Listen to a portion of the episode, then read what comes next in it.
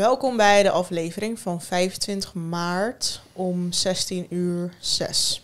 Welkom. Wow, het is 25 maart en kijk het weer. Ja, Het gaat man, bijna niet bliksen. echt niet normaal. Net bliksemen. Het is echt niet normaal. Ja, wanneer wij nu uit het raam kijken, zien wij allemaal regeldruppels en een hele grijze lucht. Dus ja. eh, daar word ik niet echt vrolijk van. Vooral niet omdat ik net terug ben uit Spanje. ja, hoe was het weer? Het was 30 graden of zo, hè? Ja, kijk maar nu op je telefoon. Typ maar Malaga in. Je ziet gewoon 29, Ja, 28, er zijn bosbranden. 29. Ja, het was What echt krankzinnig. Alsof ik in augustus was.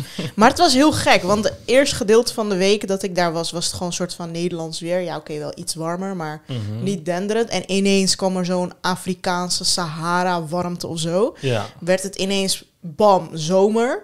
Toen was het ineens stranden vol, iedereen in bikini, bla bla. En toen wij weggingen, bleef het alleen maar zo. Het is nooit meer teruggegaan naar, zeg maar, normaal. Dus Ja. nu is het alleen... En als je kijkt naar Tenerife en zo, wat nog zuidelijker ligt, is het gewoon nog warmer. ja, dat soort dingen zijn echt zo erg voor de natuur. Het is echt niet normaal. Want de natuur gebruikt gewoon de seizoenen van hoe dat gaat. Normaal loopt het geleidelijk en voorspelbaar. Dat gebruikt het als een soort van klok. Van, oh ja, eh, het heeft, er is net vorst geweest en nu zijn er zonnestralen. En is er een weekje geen vorst. Oh ja, nu kunnen we uit de grond komen en onze blaadjes openen en weet ik veel wat. En dieren weten wanneer ze eitjes moeten leggen en allemaal dat soort dingen. Ja, een beetje zo rustig gaat. Ja. Maar het was gewoon ineens Ja, bam. en, opeens is het van, ja, even, hier in Nederland was het ook zo. Het was een weekje hadden we gewoon lekker weer. Het was gewoon zon, de lente was begonnen en zo. En daarna Ja. was het weer, ja, sneeuw. dat is zo raar. Ja, dat was ook zo raar. Toen ik naar Nederland kwam, was het hier weer sneeuw, eh, Ja. Inderdaad. ja, dat is echt funest voor de natuur. Maar ja, dat, eh, dat merken we allemaal niet. Maar die schommelingen, dat eh, zorgt echt voor massale genocides op het gebied van eh, flora en fauna. Maar is het niet Dus ja. juist goed, die, die warmte, is dat niet juist goed voor alle dieren? Ja, kijk, als het gewoon eerder warm zou worden, dan kan de natuur. Er gaat nog steeds massale genocide zijn, maar de natuur kan zich wel een beetje aanpassen daaraan. Maar nu is het gewoon heel onvoorspelbaar. Want dan, want dan is het eventjes warm en daarna sneeuw. En dat is gewoon funest.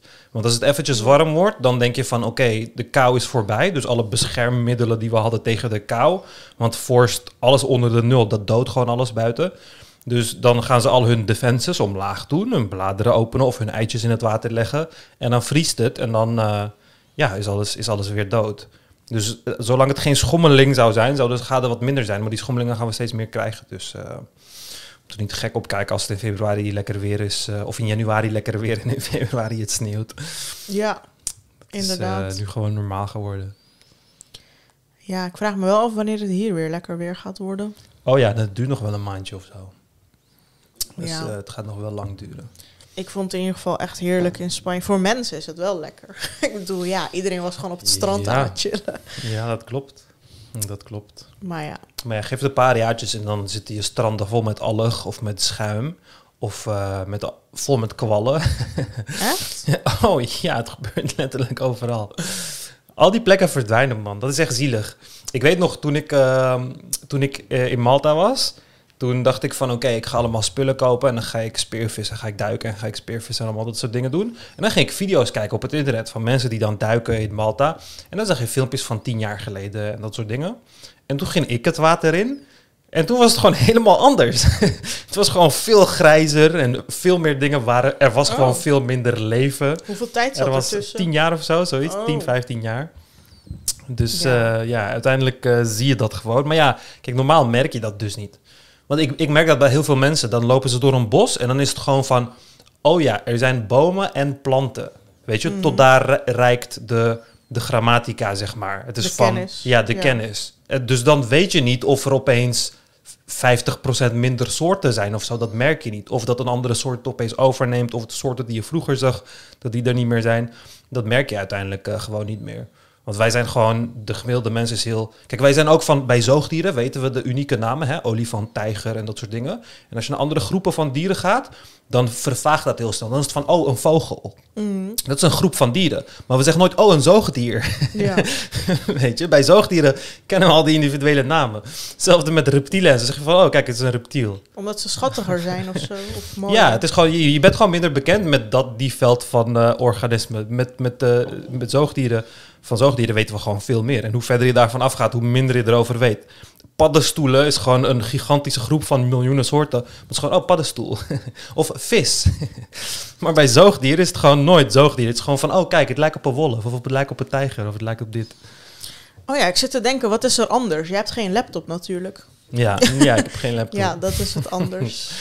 Eh, ik, me- wou, ik wou net iets zeggen van, kan je dat opzoeken? En toen besefte ik dat je geen laptop ik kan het wel in mijn hoofd opzoeken, maar ik kan niet aan jullie laten zien. Ik hoorde dus bij VI, er is daar zo'n technicus die daar altijd eh, aanschuift om te Mhm. vertellen over de nieuwste soort van Elon Musk dingen en weet ik veel wat. Ben van den Burg heet hij. Mhm. En hij vertelde dat er een vogelhuisje nu is die eh, met een camera of zo, die herkent wat voor vogel je in je vogelhuisje hebt of zo. Oh ja. Oh ja, dat is niet zo lastig om te doen, nee. Ja. Maar Ja. dat was dan helemaal hot of zo. Ik weet niet. Oh, dat, dat kun je vrij snel pro- programmeren. Kijk, je installeert gewoon OpenCV, Open Computer Vision. En Computer Vision is dan gewoon, zoals de naam zegt, Computer Vision. En dan train je gewoon een model waarbij je gewoon eh, duizend plaatjes van een pimpelmees en duizend plaatjes van een koolmees en duizend plaatjes van een specht. En die label je dan en die geef je aan het algoritme en dan leert het van, oh ja, zo ziet een pi- pimpelmees eruit, zo ziet een specht eruit. En dan eh, herkent hij dat.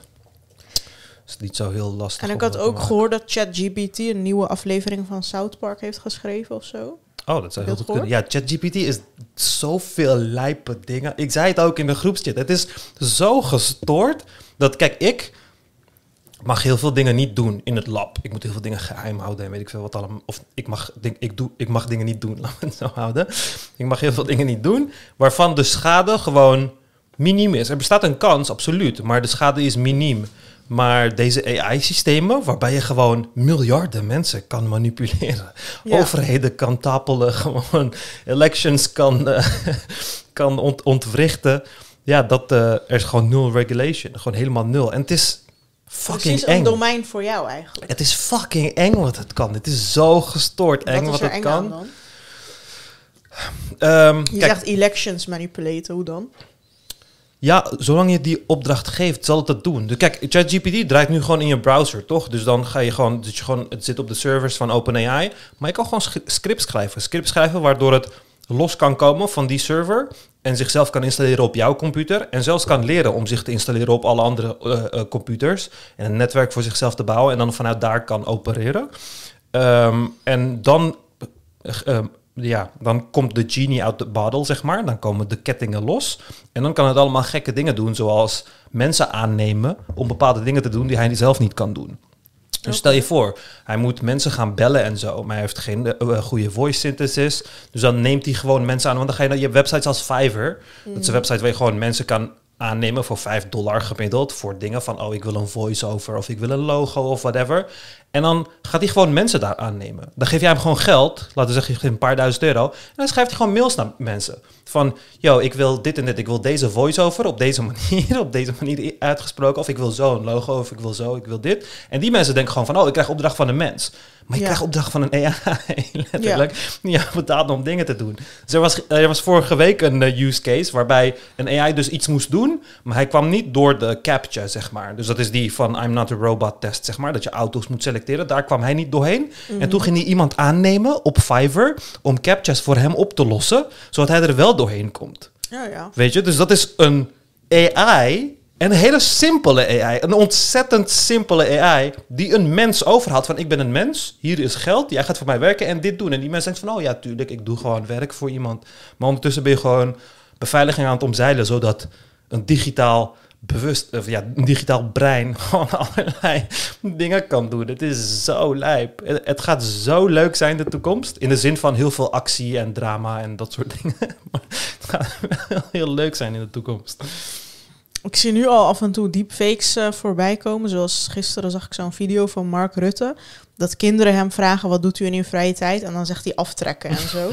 maar dat ziet er gewoon best wel real uit, zeg maar. Ja, maar het is zo... Kijk, die stappen, als je er een beetje op let... gaan die stappen nu zo snel. Ja. Het is niet meer van, oh, van iPhone 1, vijf jaar wachten naar iPhone 5. Het is gewoon in één jaar is die verandering zo erg snel. En dat is dan die exponentiële groei waar je in zit. En die gaat na een tijdje zoveel sneller dat het op dagbasis gaat zijn. Ene dag is dit mogelijk en andere dag is dat mogelijk. ChatGPT is vrij nieuw en het is nu al incorporated in bijna alles. Het zit in je Office, het zit in je Google Mail, Overal wordt nu gebruik gemaakt van ChatGPT. Alle bedrijven maken gebruik van ChatGPT. En het is zo... Het is letterlijk een algoritme die gewoon predict van... Ik begin met dit woord. En welk woord past het beste na dit woord? En welk woord past daar? Het is zo'n simpel algoritme eigenlijk. Maar daardoor geeft het gewoon, lijkt het gewoon exact op een heel slim iemand. Die iets, er, is, er er was ook een plugin waar ik aan het, mee aan het ehm, experimenteren was. En dan geef je het gewoon een video. En dan zeg je wat jij met die video wilt doen. Ja. Van ik wil dat je zo'n stukje eruit knipt. Of ik wil dat je hem vergroot of verkleint. Of doe Oh, dit en dat en dat. niet meer te editen. Precies. Want programma's, kijk, we gaan software niet meer. Kijk, we gaan eerst Google niet meer gebruiken. En dat is het grote probleem. Want die, die Gaat ChatGPT. Google echt failliet? Ja, we gaan. Google zal zelf als bedrijf niet failliet gaan, maar we gaan zoekmachines niet meer zelf gebruiken om dingen zelf op te zoeken. Want die Oh. AI kan het gewoon voor jou. Jij stelt het gewoon een vraag. En hij, Ja. die kan het gewoon voor jou opzoeken. En dat is vele malen sneller dan zelf iets googelen. En het- je hoeft ook niet zelf te zoeken naar het antwoord. Want het is meestal wel, moet je door de resultaten gaan filteren en je brein gebruiken van waar is de hoogste waarschijnlijkheid van het antwoord dat, waar ik naar op zoek ben. Maar dat doet die AI nu. En wanneer die AI dat doet, dan heb je een hele markt platgelegd. Want het internet is mensen die dingen schrijven voor het internet. En jij dan bezoekt, zodat jij advertenties bekijkt, zodat zij betaald krijgen. Het is een, een economie als het ware. Maar als niemand die websites bezoekt en ChatGPT bezoekt het en ChatGPT kijkt geen reclame, dan heb je die hele industrie al helemaal gefokt als het ware.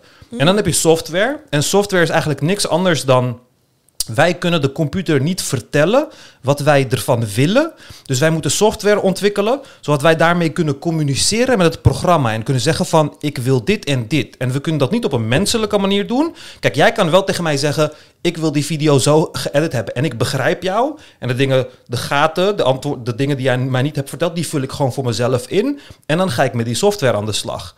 En die ChatGPT is exact hetzelfde. Die software heb jij niet meer nodig. Net zoals jij het niet nodig hebt als jij iets wilt fixen. Dan geef je gewoon de opdracht aan iemand anders. En die ChatGPT is ook zo. Je zegt gewoon van ik wil dit en dit en dit en dit. En dan snapt hij het gewoon. En dan gaat hij code van het internet halen om die video op die bepaalde manier te editen. En allemaal dat soort dingen. En dan, ja, dan is het ook weer bye bye video editors. en dan bye bye audio editors.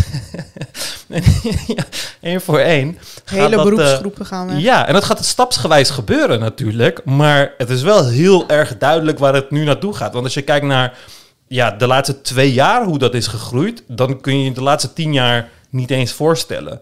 Want ehm, ja, de mensen die er, ehm, ja, laat maar zeggen, de mensen die er het meest diep in zitten, die zijn er het meest van versteld. En dat is toch wel een teken van ehm, iets waar je je zorgen over moet maken. En daarom schrik ik ook van dat er echt nul regulering is. En dat is ook logisch, want niemand aan de top begrijpt het. Niemand.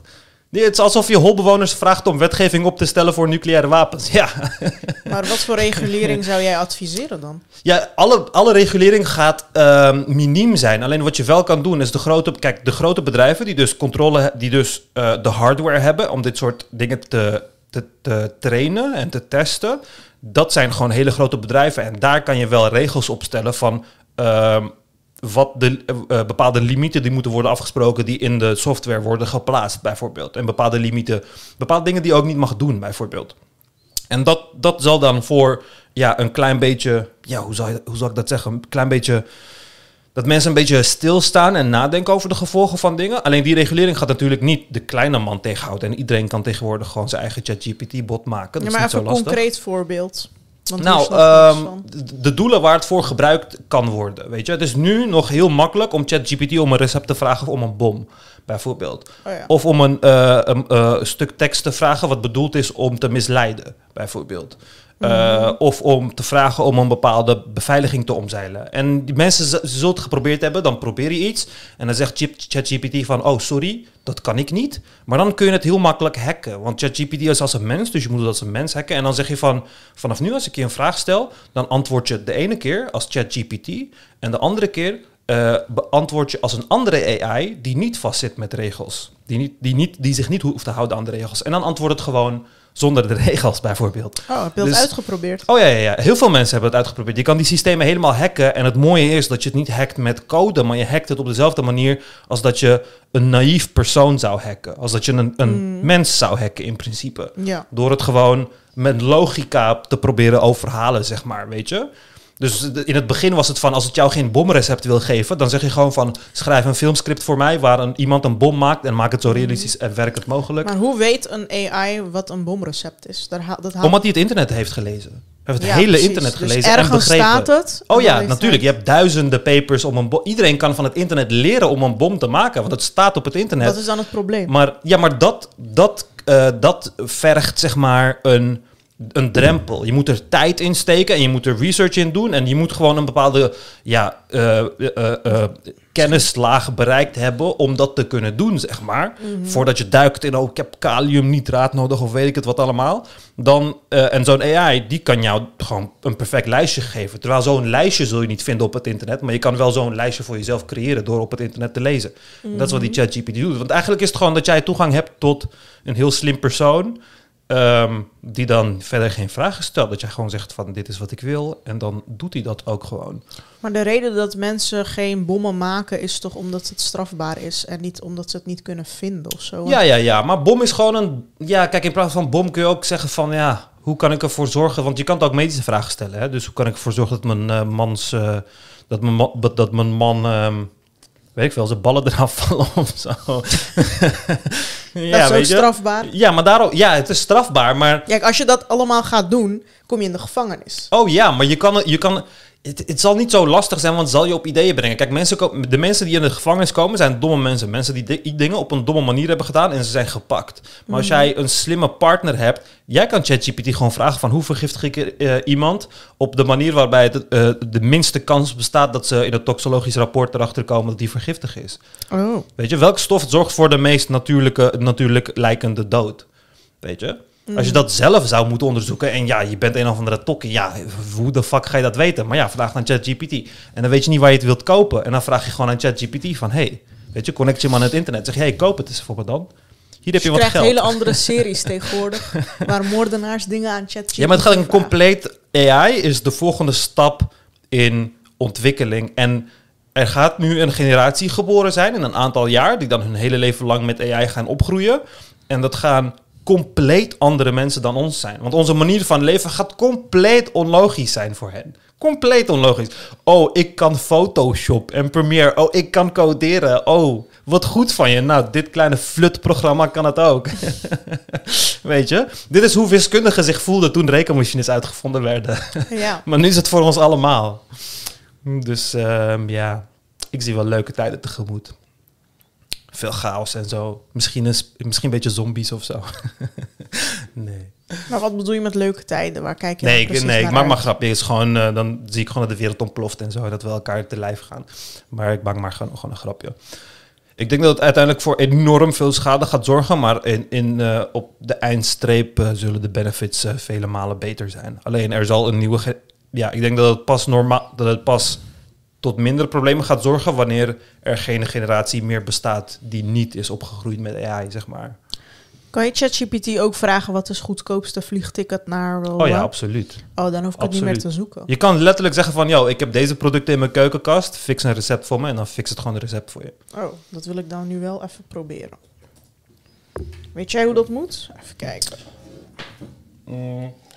Vind maar een hele goedkope vliegticket voor mij naar Mexico. Ja, maar waarschijnlijk. Eh, het probleem is, je hebt geen account, hè? Nee. Ja, ik heb wel een account, maar mijn wachtwoord is het zeg maar duizend letters lang en die ken ik niet uit mijn hoofd. Dat is gewoon op mijn computer. Duizend letters. Ja, het is gewoon zo'n automatisch wachtwoord, weet je. Ah, oké. Dan wachten we het even totdat jouw laptop gemaakt is. Ehm, ja, nee. Thanks. Maar dan ben ik wel benieuwd of dat gaat lukken als jouw laptop gemaakt is. Ja, er zijn meerdere mensen in de groep die het al voor school hebben gebruikt en zo en gewoon goede cijfers hebben gekregen. Dus ehm, Chat GPT Eumers laptop. Ik heb het genoteerd. Oké.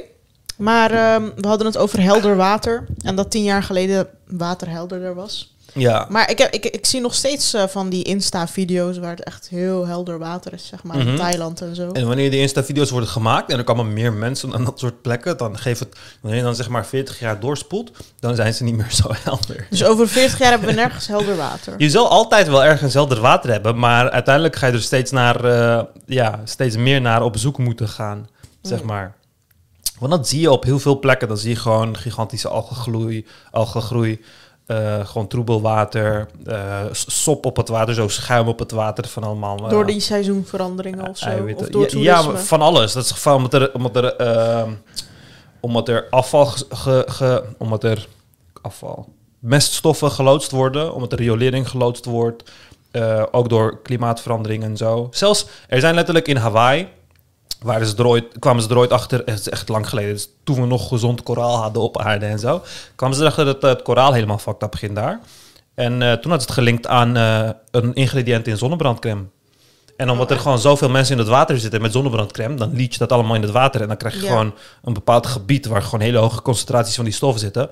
En ja, dat eh, gaat dan het koraal aantasten. Maar wat kun je dan daaraan doen? Want ik ga ook altijd met zonnebrandcrème in het water. Ja, wij kunnen er niks aan doen, maar uiteindelijk is het gewoon aan wetenschappers om die dingen te vinden en vervolgens die Bordjes producten. plaatsen met hier niet zwemmen. Of Nee, gewoon die producten uit zonnebrand halen. Want het is altijd dat we zo ach- achter producten komen die dan schadelijk zijn voor de natuur. En dan proberen we een alternatief te maken en dan wordt het gewoon geswitcht. En dan de normale mens die merkt dat dan niet eens, zeg maar. Maar het is constant eh, aan de gang. Want die stoffen zijn nu ook verboden hoor, die eh, koraal aantasten.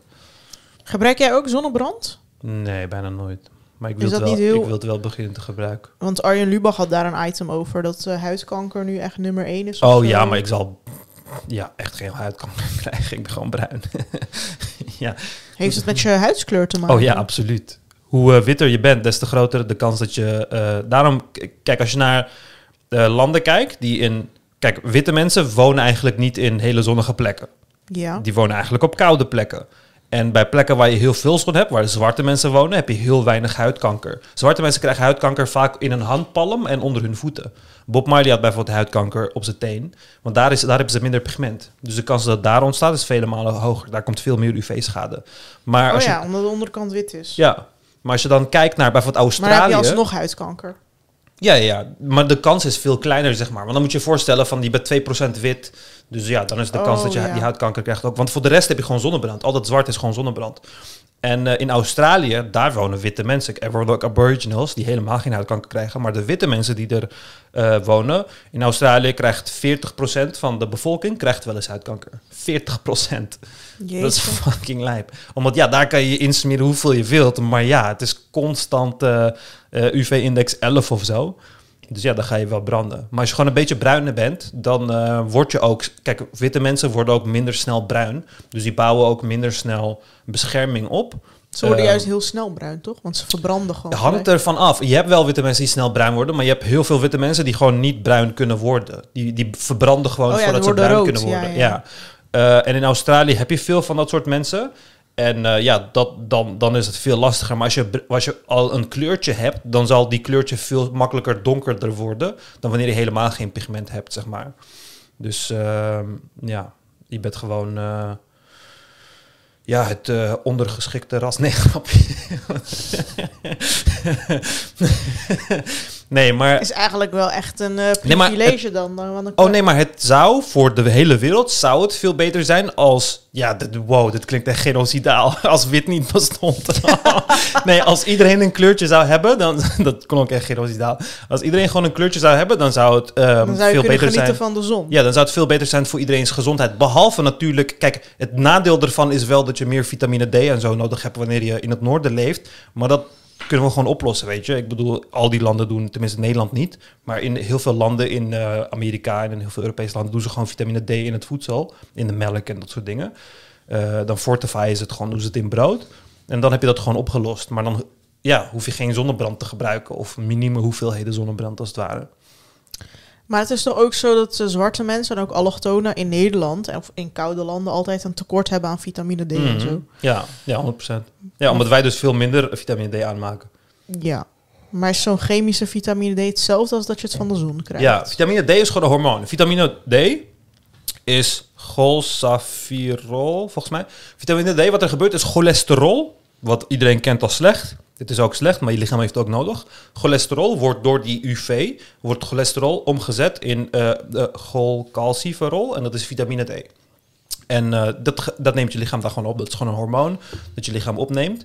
En wanneer je vitamine D neemt, gewoon eh, synthetische vitamine D, is dat exact dezelfde stof. Want het komt van nature voor, ook in melk en zo. Daarom hebben witte mensen dus lactose-tolerantie, zodat ze melk kunnen drinken om vitamine D te kunnen krijgen nog steeds in de wintermaanden en dat soort dingen. Daarom, oh, zijn eh, allochtonen dan lactose intolerant? over het algemeen zijn eh, eh, bij witte mensen heb je bijna, ik denk wat 95% of zo, lactose-tolerantie. En in de rest van de wereld heb je dat niet. Oh. Heb je ooit de Aziatische kaas gezien? Nee, of ik Afrikaanse kaas? Ik ben in, nooit in Azië of Afrika Ja, maar als je geweest. eraan denkt, als je aan al die keukens denkt, Afrikaanse keuken eh, en eh, een Aziatische keuken, dan heb je gewoon geen kaasproducten en geen Je zuivelproducten. hebt wel sushi met kaas, geloof Ja, maar dat is echt Europees. ik. Roomkaas. dat is echt Europees. Dat komt Ja. niet uit Japan. ja, dus die, die, eh, die kunnen dat veel minder goed tolereren. Want ja, je hoort dat ook niet te kunnen tolereren na je jeugd. Het is echt iets wat alleen in je jeugd aanwezig is. Maar eh, ja, die hebben dat ontwikkeld zodat ze die vitamine D daaruit konden halen. Maar kijk, die vitamine D ehm, eh, tekort wordt ook heel erg... Ja, hoe zou ik het zeggen? Het wordt heel erg overdreven. Want kijk, als je traditioneel eet, dan begrijp ik dat je die vitamine D tekort kan krijgen. Maar tegenwoordig zijn zoveel dingen voor de fight. In zoveel dingen worden vitamines toegevoegd. Dat, kijk, in Nederland wilden ze dus, net als in andere landen, vitamine D in bepaalde staple products doen. Brood, melk en weet ik veel wat allemaal. Dat doen ze wel met jodium, toch? Ja, doen ze wel met Jodium inderdaad. overal, ja, ja. ja. dat doen ze wel met jodium inderdaad. Maar het probleem daarvan is, is dat je dan ook een overdosis kan krijgen in sommige mensen. Weet je? Alleen als je heel veel eet. Ja, maar als jij je vitamine D al van een andere bron ook krijgt. Kijk, als jij al gezond vitamine D hebt, Ja. dan geven ze jou gewoon extra vitamine D. En dan is het de vraag van, gaan er op die manier meer mensen tegen de bovengrens van wat gezond is, eh, dan dat we mensen eh, tot die grens halen, zeg maar. Tot, Ja. dat, tot, dat mensen Maar- er gezonder van Maar worden. is te veel eh, slecht dan? Alle vitamines zijn in te grote hoeveelheden gewoon dodelijk. Oh, dat Ja. wist ik niet. Als je heel veel vitamine D neemt, word je er helemaal warm. Dan krijg je overal zo tintelingen en zo. Vitamine B, sorry, B3. Krijg je niacine. Krijg je niacin flush, noemen ze dat. Stoppen ze vaak in producten, zodat het voelt alsof het werkt. Zo. zijn van die trucjes van de supplementindustrie. Maar als je daar nog meer van neemt, dan word je tijdelijk blind. Wat? Ja, is fucking eng. Maar er zijn dus... Ik ga, dat, dan ga ik nu echt op een detour. Maar kijk, er is iets wat Nobelitis heet. Nobelprijswinnaars die na hun Nobelprijs eh, eh, eh, prijs, zeg maar, gek worden en in domme dingen gaan blijven geloven omdat ze hoge dunk krijgen. Een van hun, Linus Pa- Pauling, die had, nadat hij Nobelprijs werd had gewonnen, werd hij helemaal gek. En toen geloofde hij dat gigantische dosages van vitamine heel veel dingen kunnen genezen. Van kanker tot Alzheimer en weet ik veel wat. Gigantische dosages. 5000, 6000 procent van wat je normaal nodig hebt. En hij heeft dat toen heel erg gepopulariseerd. En in Amerika is dat nog steeds populair. Als je supplementen uit Amerika haalt en je kijkt naar welke vitamines zitten erin, staat bij de ADH, van hoeveel procent van de aanbevolen dagelijkse hoeveelheid het is, staat er vaak 3000, 4000, 5000 procent. Omdat Maar mensen het gewoon... hoort gewoon 100 te zijn, toch? Ja, het wordt gewoon, dat is precies wat je nodig hebt, zeg Ja. maar. Het hoort gewoon 100 te zijn. Maar Amerikanen hebben dan, daar is dat heel populair. En hier nu ook, van die internet health cultuur, zijn er ook genoeg mensen die daarin geloven. Van als je gewoon een paar duizend procent neemt, ook van vitamine C, gewoon duizend eh, zoveel procent vitamine C nemen en dan worden dingen gefixt of weet ik wat, is allemaal, eh, is allemaal onzin. Het enige wat er gebeurt, tenminste het schadelijk voor je lichaam, zorgt op heel veel plekken op voor eh, oxidatieve stress en allemaal andere dingen. En het enige wat er gebeurt is dat je gewoon neongeel pist en dan denkt van, oh, het werkt of zo. Maar het gros pis je uit en, eh, wat je, en het is gewoon een hele grote last voor je lever en allemaal dat soort dingen. Ja. Dus eh, ja, dat is niet echt heel slim. Maar heel veel mensen die dat wel geloven. Weet je wat irritant is aan, zeg maar, je weet niet waar je tekort aan hebt. Als je naar de huisarts gaat om bloed te prikken, zeggen ze waar twijfel je aan en dan gaan ze specifiek dat prikken. Mhm. En dat is een beetje vervelend, want Dat is zo vervelend dat... Want zelfs als ik naar de huisarts ga en ik zeg van ik wil mijn testosteron op laten meten... dan gaat hij een bepaalde bloedtest voor me eh, bestellen. Maar die bloedtest, ik weet dat die bloedtest niet heel precies is. En ik wil eigenlijk de, bloed, ik wil de bloedtest bestellen, weet je? ja, Omdat je dan weet van, oh, ik- want dit is eigenlijk niet wat ik wil en dit is eigenlijk waar ik achter wil komen. Maar de meeste Ja. mensen weten dat niet. Dus dan laat je dat gewoon over aan je dokter. En je- voor je dokter is het ook gewoon, ehm, ja, gewoon een standaard zaak, als het ware. En ze gaan voor niemand een geheel bloedpaneel doen als er niks mis met je is. ja precies. Moet je allemaal voor betalen. En maar zelfs dan is het, het heeft niet altijd zin om ja, kijk, je kan al die dingen checken. Van je kan een bloedtest doen om de zoveel jaar en weet ik veel wat. Maar soms ga je gewoon dingen vinden die out of whack zijn. Dingen zijn gewoon onbalans. En dan, dat is gewoon normaal. Soms gebeurt dat, maar dan ga je je onnodig erover stressen. En dat is ook Mhm. met MRI's en allemaal dat soort dingen zo. Je kan een paar MRI's doen. En dan zie je een keer een vlekje ergens in je hersenen. En dan ga je panieken. En dan denk je van, oh kut, ik heb een tumor of weet ik veel wat. Maar dan Ja. is het gewoon een vlekje. Weet Ja. je? Dus het is heel lastig om die balans te vinden van hoeveel vrijheid ga je mensen geven daarin. Van hoe ver ze zichzelf willen onderzoeken en dat soort dingen. Eh, en de enige oplossing daarin is gewoon om jezelf erin te onderwijzen, zodat je het allemaal zelf een beetje kan eh, begeleiden en eh, interpreteren. Maar dat is gewoon heel lastig.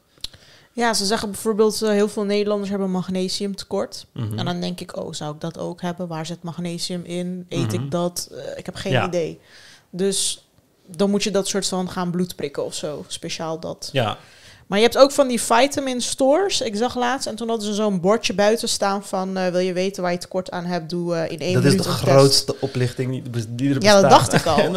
Ik dacht, huh, bij de huisarts eh, moet je helemaal bloed laten Dat is afnemen. zo- Ja, maar ze gaan daar. heel ver in. Dus ze hebben een soort van... Ze hebben vragenlijsten. Van dan ga je een vragenlijst... Want je hebt ook online ervan. Want ik had, ik had daaraan gedacht, echt die jaren geleden van personalized supplements. Maar het is heel moeilijk te Ja, doen zonder nu heel oplichting. populair. Ja, Krijg je zo elke dag zo'n zakje precies. En met drie is- dingen erin. En het is, het, is heel het is onmogelijk om te doen zonder oplichting. Tenzij je mensen niet 1000 euro gaat laten betalen, is het onmogelijk om mensen te laten doen zonder oplichting. Want dat bestaat niet. Dat is geen personalized. Je doet een fucking vragenlijst. Ja. Weet je, er wordt helemaal niks onderzocht. En er zijn bedrijven die er verder in gaan. In Amerika kun je bijvoorbeeld, volgens mij doen ze dat in Nederland ook.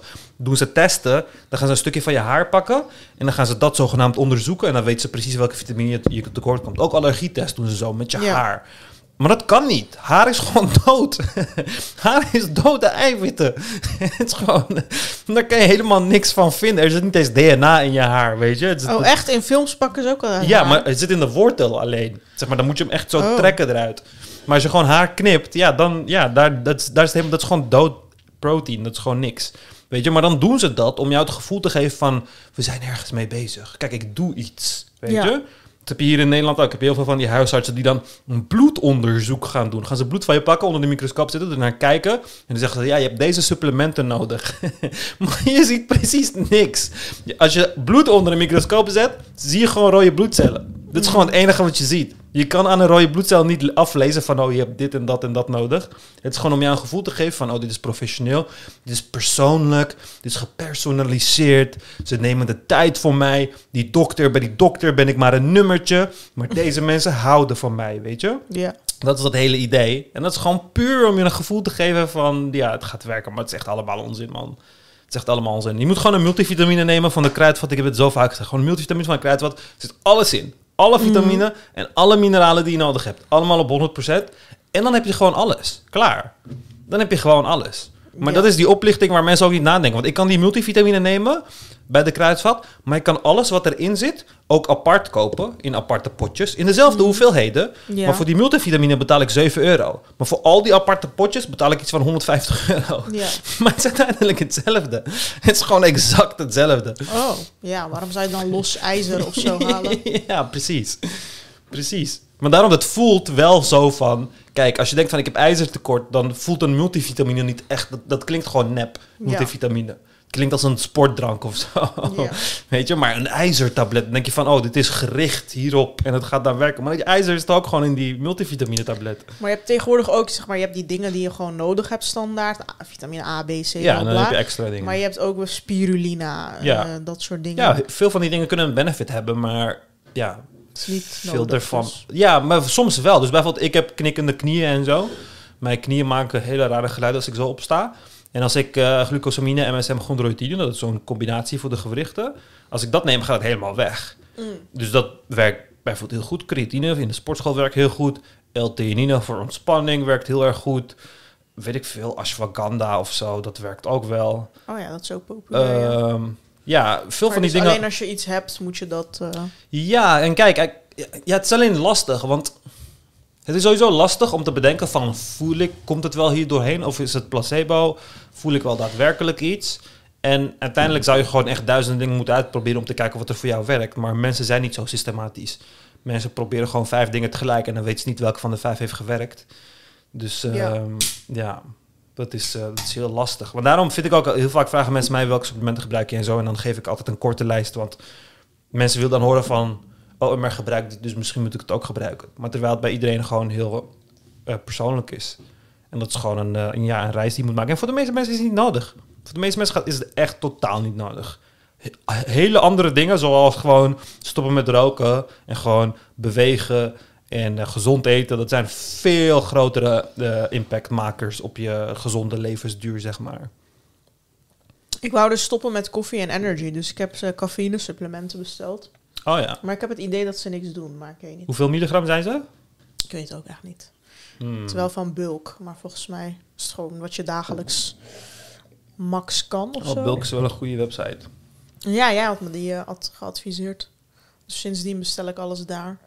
En ik was laatst gestopt met de pil. Toen stond er, ja, als je stopt moet je foliumzuur eh, slikken.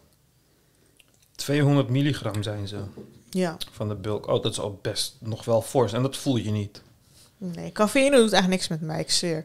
Ik Ja, maar doe gewoon soms je- voor het slapen koffie of thee of energy drinken en ik slaap gewoon. Je moet er gewoon vijf van... Nee, dat hoef je niet doen. Dan voel je zo je hart eh, tegen je borstkas aan. Ja, ik heb dat dus nog nooit gehad. Hoeveel ik ook Nee, dat is echt bij een eh, gram of zo. Ah, oké. Ja, dat had jij een keer gedaan, geloof ik. Ja. Maar eh, oké, dan weten we dat ook weer. Even kijken. Oh ja, ik had dus gelezen toen met corona. Hadden ze echt miljoenen maskers in het water gevonden. In de Ja. zee en zo. Toen dacht ik, oh my god. Gewoon zoiets simpels, weet je wel. Gewoon iedereen draagt maskers. Dat is even een ding door de pandemie. En dan heb je ineens 32 miljoen maskers of zo, weet ik veel, in het Ja. water. Ja. Maar het is gewoon heel gek dat... Maar dat geldt denk ik ook voor plastic flessen en andere Mhm. dingen. Ja, het is allemaal met cultuur te maken, man. Uiteindelijk moesten mensen gewoon aangeleerd krijgen om, eh, ja, om netjes te zijn. En wij zijn niet zo'n volk. Tenminste, we doen het wel beter dan andere landen, hoor. Ik bedoel, in andere landen hebben ze gewoon rivieren van vuilnis. Maar ehm, nog steeds zijn er vrij veel mensen maar dat vind ik dan weer raar, dat dat niet gereguleerd is, zeg maar. Ja. Dat iedereen dat... Ja, het is gewoon heel... Kijk, uiteindelijk zijn het gewoon systemen die je... Want andere landen doen dat wel. Die hebben dan van, oh, weet ik veel. Die hebben dan een leuke reclame op tv... waarbij ze zien iemand vrolijk doet een masker op... en doet hem weer af en dan netjes in zijn zak... om het later weg te gooien of weet ik veel wat. Maar dingen gaan niet zo in, eh, in de westerse wereld. Gaan ze vrij eh, moeizaam met dat soort dingen. En, en vaak heb je er ook geen hand in. Bijvoorbeeld toen corona begon... was hele wetenschap... Toen SARS-CoV-2 begon... was de hele wetenschappelijke wereld van... oké jongens, we moeten een goede naam ervoor hebben. Want wat er ook gebeurt, mensen mogen het geen corona noemen. Als mensen het corona gaan noemen, dan gaat er enorm veel verwarring komen en weet ik wat. Want corona is gewoon een groep. Het is gewoon een groep van virussen. Weet je? Eh, Je bent er Ja. zo vaak mee En het is een geraakt. biertje. En dat biertje was ineens veel meer verkocht Ja. of zo. Ja, dus dan iedereen van oké, wat er ook gebeurt, mensen moeten het geen corona noemen. En ja, hoe, hoe noemen alle mensen het corona? Want ja, waar komen de wetenschappers mee? Oh, SARS-CoV-2. Ja, dat is een goeie. Ja, het rolt echt van de tong. Je? Dus heel vaak heb je dan die, die beleidmakers, die, die falen dan. En die, de hele eh, science communication deel, dat, dat faalt ook. En dan eh, adopteren mensen zelf iets. En ja, als jij dat soort dingen niet aanleert aan mensen, dan eh, ja. Want er zijn societies in de wereld waar gewoon als jij iets op de grond gooit of whatever, dan word je gewoon, eh, krijg je een flying kick van een opa van 70 of zo. En ja, hier is het gewoon wat normaler. Ja. Ik vind sowieso dat eigenlijk iedereen. Ik wilde eigenlijk zeggen alleen uitkeringtrekkers. Maar eigenlijk zou iedereen dat moeten doen. Gewoon één. Dat we gewoon vier dagen in, het, in de week werken. En dan vrijdag gaan we gewoon met z'n allen opruimen, man. Gaan we gewoon buiten opruimen. Loop gewoon bij je favoriete parkje of weet ik veel wat. En pak gewoon een beetje vuilnis op. Dat, is gewoon een cultuurdingetje. hoor. Ja, sowieso. Want ik denk, kijk, bijvoorbeeld bij ons voor de deur. Vrijdagavond gaat juist iedereen feesten. Ja, bij ons voor de deur, omdat ze aan het bouwen waren en zo, is heel veel afval. Er zijn daar ook stoplichten, dus automobilisten gooien allemaal afval. En toen ging ik dat opruimen met mijn vrienden, ging ik dus al vuilniszakken doen. En toen zagen andere buren het. En vorige week zagen we gewoon andere buren het opruimen. Weet je? Want, Zo want, kan het gaan. ja, want zo gaat het. Want uiteindelijk, eh, wat ik heb soms wel van, ja, als ik dan bij zo'n plekje loop, dan ga ik iets pakken zo van de grond, dus het afval is. En dan loop ik, doe ik niet altijd hoor, zo gewoon werk ik niet. Soms gooi ik ook wat dingen op de grond, ik ben niet zo'n engel. Maar soms doe ik het wel, als het mijn favoriete plek is, dan vind ik gewoon iets op de grond, afval. En dan loop ik naar die vuilniszak en dan gooi ik het weg. Maar wanneer ik het op, oppa- oppak, kijken mensen zo van, oh, wat gaat hij doen? Oh, hij pakt iets van de grond. Wat gaat hij doen? Dat ziet er zo verdacht uit. Van, oh, wat is hij daar gevonden? Ja. Weet je? Dan is het gewoon afval. Omdat het zo onnatuurlijk is dat iemand iets van de grond opraapt. Zo. Het is gewoon een onnatuurlijk beeld op de een of andere manier. Maar het zou juist natuurlijk moeten zijn. Want we klagen er wel om van, oh ja, kijk. Kijk hoe vies het hier is. Maar pak een paar dingen dan. Pak gewoon een paar dingen van de grond. Dan, voelen alle, dan kun jij je beter voelen. En dan voelen alle andere mensen zich slecht. Van, oh ja. Oh ja, dat wat hij doet, kunnen wij ook. ja. En je krijgt denk ik wel gewoon respect van iedereen, toch? Ja, ja. Het is gewoon een mooi, het is gewoon een mooier zicht. Ja. Ik had ooit gelezen dat zo'n Nederlander een uitvinding had gemaakt dat hij alle vuil uit de zee. Oh ja, Bojan Slat, ja. Ja. Is dat nog steeds zo? Mhm. Ja, die zijn bij een paar eh, rivieren. Ja, ze waren eerst bezig in de zee, maar dat heeft niet echt goed uitgepakt. Daar hebben ze best wel vaak gefaald. Dus ze hebben ze speciale boten gebouwd, die interceptors heten. En die gaan dan bij eh, rivieren, de grotere rivieren eh, in de wereld, in ontwikkelde landen, die dan het meeste vuil naar de oceaan sturen. Dan gaan ze bij, waar die rivi- rivieren zeg maar uitmonden in de zee, gaan ze boten neerzetten die dan het vuil intercepten. En eigenlijk alleen het drijvende vuil. En dan eh, pakken ze al dat plastic en zo. Dus, dat is eh, intercepten. om ont intercepten. Gewoon vangen voordat het weg kan gaan of zo. Oh, oké. Dus eh, dan hebben ze gewoon een ding dat net boven het wateroppervlak zit zo. Zodat vissen eronder door kunnen zwemmen. Maar alle plastic dat drijft, dat komt er dan tegen. En dan wordt het zo verzameld in het midden. En dan eh, gaat het in de boot. En ehm, ja. Dat scheelt wel, denk ik. Ja, maar het probleem dat ik met dat soort ontdekkingen heeft, heb, is dat ehm, mensen dan denken, oh ja, eh, we, kunnen, we kunnen nu een gerust gevoel hebben, want ze werken eraan en het wordt opgelost of zo. Terwijl hij, ja, toucht niet eens 1% van de afvalstroom die in de zee terechtkomt. Mm. En ehm, ja. Ja, want het is lastig. Hè? Kijk, alles wat wij hier aanleren qua al die dingen, dat, ja, wij zijn aan de top. We moeten al die shit ook aanleren aan eh, onze broertjes en zusjes in de ontwikkelde wereld. Mhm. En eh, ja, dat gaat toch wel een hele lange reis zijn. Dus ja, Ik ben benieuwd naar de toekomst, wie weet. Wie weet wordt er overal een oplossing voor bedacht. Oh ja, uiteindelijk sowieso. Sommige maar, le- eh, mensen leven wel zo we inderdaad. ook. Ja. Sommigen hebben zoiets van, ja, er komt wel overal een oplossing voor. We hebben zoveel slimme Oh ja, uiteindelijk mensen. wel. Maar uiteindelijk geldt het alleen voor als jij nog leeft, weet je? Mm. Even kijken. Ik had je laatst zo'n... eh, ik mag daar dus nog niet over praten, want ik ga het waarschijnlijk wel doen. Ik had jou zo'n e-mail gestuurd met dat ik uitgenodigd was voor zo'n programma. Toen zei ik, ben je nu jaloers? Toen zei jij, wat is dit voor bullshit? Eh, Weet je het nog? Oké, ik zeg het wel, dan piep je het Kut, weg. wacht, wacht, wacht. Hè? Oh ja, oh ja, ja. Oh ja. Eraan meedoen. Het komt op Ja? NPO 1. Ja. Wat gaan jullie allemaal doen dan? Moet ik het allemaal eruit knippen? Eh, ja, want ik mag er dus niet over praten. Ik weet niet, ik had in Parijs ook, ik ging helemaal naar de toppen van Eiffeltoren. Ik had er echt helemaal geen moeite mee. Tim ging ja. helemaal bijna huilen. ja. Hij had gewoon bijna knikkende knieën. Dus ik denk niet dat ik, ja, ik weet niet. Nee, dan heb je Heb het hoogtevrees? Mm. Gondel vond ik trouwens wel eng, maar dat was gewoon... Niet omdat het hoog was, maar gewoon... Het piept en kraakt, zeg maar, Ja. af en toe. maar ja, zo, ik kan dat wel een soort van wegdenken van... Oké, bij al die mensen is het ook niet geval... En je gaat over snelwegen en zo, zeg Ja, maar ik heb dat met... Kijk, zeg maar, als ik hier naar de kermis ga en ik ga in zo'n attractie, ja, dan heb ik gewoon scheid, weet je. Ik denk, dit is gewoon veilig. In Nederland gaat er niemand dood aan de kermis. Maar in wat minder veilige landen, zeg maar, in Turkije bijvoorbeeld, dan denk ik soms wel van, hmm, Ja, ik weet niet of er echt een inspectievereniging is voor dit soort ondernemingen. Want de laatste keer dat ze deze machine hebben gecontroleerd, dan ben, dan ben ik wel bang, zeg maar. Ja, in Spanje hetzelfde. Je bent in een of ander fucking dorp. Het is echt zo'n mannetje die bij dat knopje staat. Die Mhm. gewoon standaard drukt. Je ziet overal roest. Je ziet overal dat Mhm. het niet verzorgd is, zeg maar. Al jaren. En zij kijken alleen maar naar het geld wat ze verdienen. Dus als jij Ja. eh, straks op de snelweg pleurt, ja, dan ben je een van de, een van de eerste. En dan gaan ze er pas wat aan doen, weet je wel. Ja. Dus dat heb ik soms wel, maar Ik zou dus ook nooit bungee jumpen in zo'n in Thailand of zo. nee. Dat zou ik echt niet doen. Of in Indonesië of zo. Dat zou ik echt niet bungee jumpen. Nee, dat moet je echt in. Want dat is waar die filmpjes vandaan komen. Mensen te pletter slaan op de grond. Ja, precies. Ja. En het gaat ook wel eens eh, mis in de kermis en zo, toch? Of eh, attractiepark. Ja.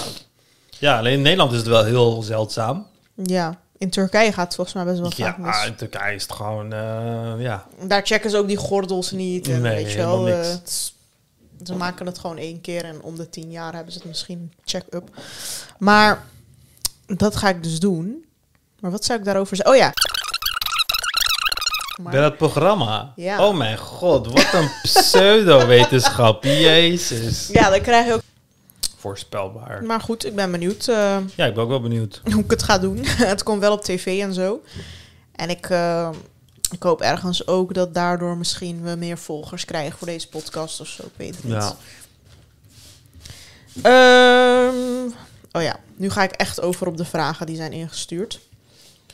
De hype betreft seksuele voorlichting op basisscholen en de voor- en nadelen ervan. Misschien in het kort, want hier hebben we al heel veel over gepraat. Mhm. Sorry hoor, ik heb snoep in mijn mond. Oh ja, nee, doe je ding. Ja, nou. Ja. Er zijn letterlijk geen nadelen. Nooit. Nergens. Geen enkel studie. Ooit zijn er nadelen gemeten. Want, ehm, kijk, in al deze dingen van seksuele voorlichting en zo, op de basisschool en weet ik veel wat allemaal, gaat het om het feit dat je niet over genoeg informatie beschikt over wat er gebeurt en op welke manier het gebeurt. Mm. En dan gaan politici als Thierry Baudet van... Oh maar ja, niet alleen hij, ook gewoon Ja, iedereen. moeders. Ja, ja. eh, ja, iedereen. maar moeders zijn dom. Moeders zijn dom. Oké, niet alle moeders. niet alle moeders. Maar moeders zijn dezelfde die hun fucking kinderen niet vaccineren omdat ze iets hebben gelezen op het internet. En dit is exact hetzelfde. Heel veel moeders zijn gewoon dom. En dat komt omdat ze in... Kijk, je bent gewoon een organisme. Je bent een moeder. En je probeert jouw... jouw kroost probeer jij te beschermen van eventuele gevaren. En vroeger moest jij dan, als er geritsel was in de bosjes, je kind pakken en een boom inklimmen. Je moest altijd paraat staan. Maar nu leven we gewoon in een veilige wereld. In een van de veiligste landen van de hele fucking wereld. Waar mensen ouder worden dan waar dan ook. Dus en je ziet overal dreiging of zo. ja, dus je gaat, dus je kan dat instinct kun je niet meer op normale leven, eh, eh, eh, eh, in het normale leven gebruiken. Dus dan ga je overal dreigingen in zien. Oh, er zit iets in mijn kinders voedsel. Oh, vaccins. Oh, pedofiel in de speeltuin. Oh, internet en weet ik veel wat allemaal. Allemaal van die domme dingen. En dan ga je er niet in verdiepen. Dan hoor je seks en je hoort kinderen en alle alarmbellen gaan aan. Alle alarmbellen gaan aan. En dan is het van... Kijk, het is eigenlijk zo'n simpele gedachte, hè. Als het zo is dat ze tegen kinderen dingen zeggen die, niet, die kinderen eigenlijk niet horen te horen. Oké? Eén, al deze planningen, al deze dingen, deze programma's en zo, zijn gemaakt door pedagogische specialisten. En die worden onderwezen in pedagogische instellingen waar mensen werken met pedagogische vaardigheden. Oké? Dus dan ten eerste hoor je dan, te, hoor je dan te denken van, oh, dus die hele industrie is gewoon corrupt. Nee, er zijn gewoon juffrouwen voor de klas en meesters voor de klas. En eigenlijk zijn het viezerikjes. En eigenlijk willen ze gewoon zevenjarigen leren om zichzelf lekker te vingeren. Weet je, maar dat is niet het geval. Als je, nee, ik zag ook zo'n bladzijde over pijpen, geloof ik. ja, en dat hoor je ook te leren, bijvoorbeeld. Dat hoor je aan een kind ook te leren. Maar, oh, maar waar zag je die dan? Bij Thierry Ballet. Ja. Bij zijn filmpje. Ja, kijk, dat, dat boekje die Baudet heeft ehm, gepresenteerd, dat boekje is al vier jaar niet te koop. Het was ooit te koop, het is al vier jaar niet te koop. Het is heel verdacht Oh. dat Thierry dat boek heeft. Eh, maar dat is een boek dat nooit op scholen is gekomen. Je kan het gewoon op bol.com kopen. Eh, je kon het kopen. Het heeft hele goede reviews. Dus hij liegt. Eh, het is hele goede review. Ja, het is Baudet, tuurlijk ligt hij. Het heeft hele goede reviews en het is bedoeld voor ouderen om vragen op een kinderlijke manier, hun, de kinderen die hun vragen stellen, om die op een kinderlijke manier uit te leggen. En dan staan er gewoon dingen op als menstruatie. En eh, wat is een piemel? Hebben meisjes ook een piemel? Waar komen kinderen vandaan? Het zijn allemaal dat soort vraagjes, weet je? En van wat is een tampon? Maar dan heeft hij het meest chockerende bladzijde, pijpen. Eh, en die bladzijde is letterlijk bedoeld voor ouders. Als jouw kind ooit aan jou vraagt van... hey, wat is pijpen? Dan als jij daarvoor kiest... Hè, want die kinderen kunnen niet lezen... op die leeftijd, Cherry, die kunnen niet lezen. als jij daarvoor kiest, dan kan jij dat als ouder... kun je dat dan aan je kind uitleggen. Maar jij kiest dus voor welke bladzijde jij uit, eh, eh, uitlegt aan je kind. En meerdere mensen hebben die plekken gemaild, die uitgeverij is gemaild. En die, scholen zijn, die boeken zijn nog nooit aan scholen uitgedeeld zoals Baudet dat claimt. Dat is nooit gebeurd. Wat er hierin gebeurt, is dat seksuele voorlichting aan kinderen wordt al heel lang gegeven. Dit is niet iets nieuws. Lentekriebels en zo is niet iets nieuws, gebeurt al fucking lang. En Conservatieve mensen hebben er altijd al een probleem van gemaakt. Heb Maar jij het nu- op school gehad? Ik niet. Ik zat op islamitische basisschool. Ja, ik heb geen reet gehad. In groep 6 dacht ik eh, dat je de piemel erin deed en een druppeltje pis achterliet. ja, ja. Dan gingen we met de meiden en zo. Gingen we zo proberen te ontcijferen. Gingen we zo in een groepje. Zo twee jongens, twee meiden. Gingen we ik zo weet niet praten. hoe ik erachter kwam. ja. Hoe je kinderen maakt en zo. Ik ben het echt vergeten. Want eerst leerde ik dat het van een ooievaar kwam, geloof ik. Oh ja, dat heb ik nooit geloofd. Ik dacht gewoon, toen ik in groep heb ik 1 wel was of zo, dacht ik gewoon van, ja, je wordt gewoon zwanger. En dan snijden ze je buik open en halen ze die baby eruit. Oh, gadver. Ja, dat is eh, hoe ik het dacht. Dat is wel trouwens hoe het vaak gaat met Ja, maar ja, ik bedoel, dat uit een kut geperst worden heeft wel eh, heel wat meer imagination nodig, weet je. Ja. Ik zou niet echt denken dat vrouwen iets hebben waar een kind uit geperst kan worden op die leeftijd. Maar ja, mensen zijn er altijd tegenop geweest. En eigenlijk als je in de feiten duikt en kijkt van... Want je hebt seksuele voorlichting voor groep 1 en 2, hè? Dat heb je gewoon. Alleen, wanneer je dat hoort, dan klinkt dat alsof ze kinderen leren van... Oh, en zo moet je pijpen. En wel een condoom omdoen. Maar dat is niet wat het betekent. Want het is gepast op de leeftijd. Want opnieuw, het is door pedagogische experts gemaakt. Dus doen, in groep 1 en 2 leer je bijvoorbeeld wat consent is. En dan op een manier van... eh, mensen, sommige mensen, eh, eh, er zijn bepaalde plekken op het lichaam waar je mensen niet moet aanraken zonder toestemming. Dus niet zomaar iemands billen aanraken, niet vrouwen hun borst aanraken en allemaal dat soort dingen. Maar ze leren je ook dingen van blootheid en zo. Van dat blootheid in het openbaar niet goed is. En dat als mensen die jij niet vertrouwt aan Ja. jou vragen om blootheid te vertonen, dat dat niet normaal is en zo. En dat je dat dan aan mensen moet vertellen die je vertrouwt en allemaal dat soort dingen. En om een lijst te maken van wie, wat zijn de mensen in je leven die je vertrouwt en weet ik veel wat allemaal. Of ze geven mensen, ze geven kinderen een hoepel. Geven ze alle kinderen een hoepel en dan ga je, en dan heb je andere kinderen zonder hoepel en dan ga je naar die persoon en dan vraag je van, mag ik ook in jouw hoepel staan? Bijvoorbeeld. En als die persoon nee zegt, dan mag het niet. En als die persoon ja zegt, dan mag je met die kind in die hoepel staan. Oh. Weet je, dan leer je gewoon consent en toestemming vragen om iemands ruimte te betreden en allemaal dat soort dingen. En dat noemen ze seksuele voorlichting, want het is seksuele voorlichting, maar dan op het niveau van een eenjarige. Oké? En dan eh, of eenjarige, of vier, vijfjarige, groep 1 en 2. En dan drie, vier, eh, vijf. En dan komen menstruatie en zo ook kijken. En dan niet op een manier van genot of weet ik veel wat. Maar het is eigenlijk wel genot, maar niet seksueel genot. Want op de een of andere manier weten mensen dit niet. Maar kinderen spelen met hun geslachtsdelen. Constant. Alle kinderen. Letterlijk. Kleine meisjes die stoppen letterlijk objecten in hun vagina. Jongetjes die zitten de hele tijd aan hun penis. En niet uit seksuele plezier. Maar om dezelfde reden dat ze aan een oorlel zitten. Of aan hun voetje zitten. Of aan hun teentjes zitten. Om exact dezelfde manier. Het is gewoon, eh, het is gewoon motorische input in principe. En eh, heel veel ouders hebben dan ook, die kinderen begrijpen dat dan ook niet. Je hebt heel veel kinderen die dan in het openbaar, wanneer ze zich gewoon sip voelen, heb je gewoon jongetjes van 4, 5 die gewoon hun hand in hun broek doen en dan hun, hun, hun, hun lully gaan vasthouden en zo. En gewoon uit comfort. Zo van ja. Gewoon hetzelfde als een vinger in je, eh, een, een duim in je, in je mond, weet je. En dat, want ze hebben nog geen seksuele ontwikkeling. Dat hebben ze nog niet. Ze kunnen, die, ze kunnen die dingen allemaal nog niet. Dus het is gewoon normaal. Het is voor hun gewoon een extra lichaamsdeel. En dan moet jij soms als ouder aan jouw kind vertellen: hé, hey, maar kijk, dat mag niet in het openbaar. Je mag niet aan je penisje zitten in het openbaar. Je mag niet bloot zijn in het openbaar. Allemaal dat soort dingen. En dat geven ze dan ook mee op die scholen. En dan op oudere leeftijd, op eh, eh, de groep 5, 6, dan gaan meiden leren over de menstruatie. En dan begin je ook langzaam de puberteit, eh, allemaal te dingen. Ze. Dat is allemaal hartstikke normaal. Er zijn gewoon meiden die menstrueren in de basisschool. Het gebeurt gewoon. Weet je, en er zijn heel veel meiden op de wereld nog steeds, gewoon in moderne landen, die zijn, die zijn begonnen met menstrueren zonder dat dan volwassenen ze, vooral in allochtone families, die zijn begonnen met menstrueren zonder dat ze ooit Ja, daarover. Ja, maar dat is toch allemaal fucking gestoord. Maar nee, als ze jou op de basisschool zouden leren over menstruatie, nee, dan was je nu hoer geworden, Lale. Natuurlijk. Weet je? Het is zo'n gestoorde denkwijze. En omdat je, wanneer je de waarheid verkondigt, is het, dan moet je echt eh, een, een evil persoon zijn als je daar tegen bent, zeg maar. Want er is niks, op, er is niks negatiefs op, op aan te merken. Maar daarom gaan al deze partijen dan van, oh ja, en ze leren je pijpen. Ja, weet ik veel wat allemaal. Terwijl dat gebeurt niet. Dat gebeurt helemaal nergens. En dan is het van, oh, mijn kind heeft dit gezegd. Fuck je kind. Het gebeurt gewoon niet. Je kind liegt.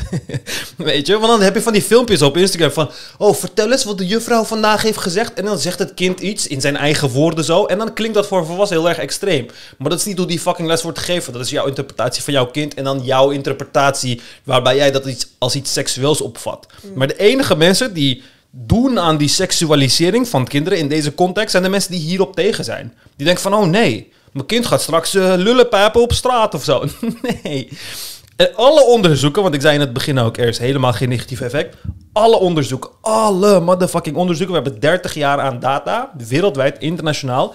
Laat zien dat je seksuele uh, voorlichting hebt gehad, zo vroeg mogelijk, dat je later doet aan seks.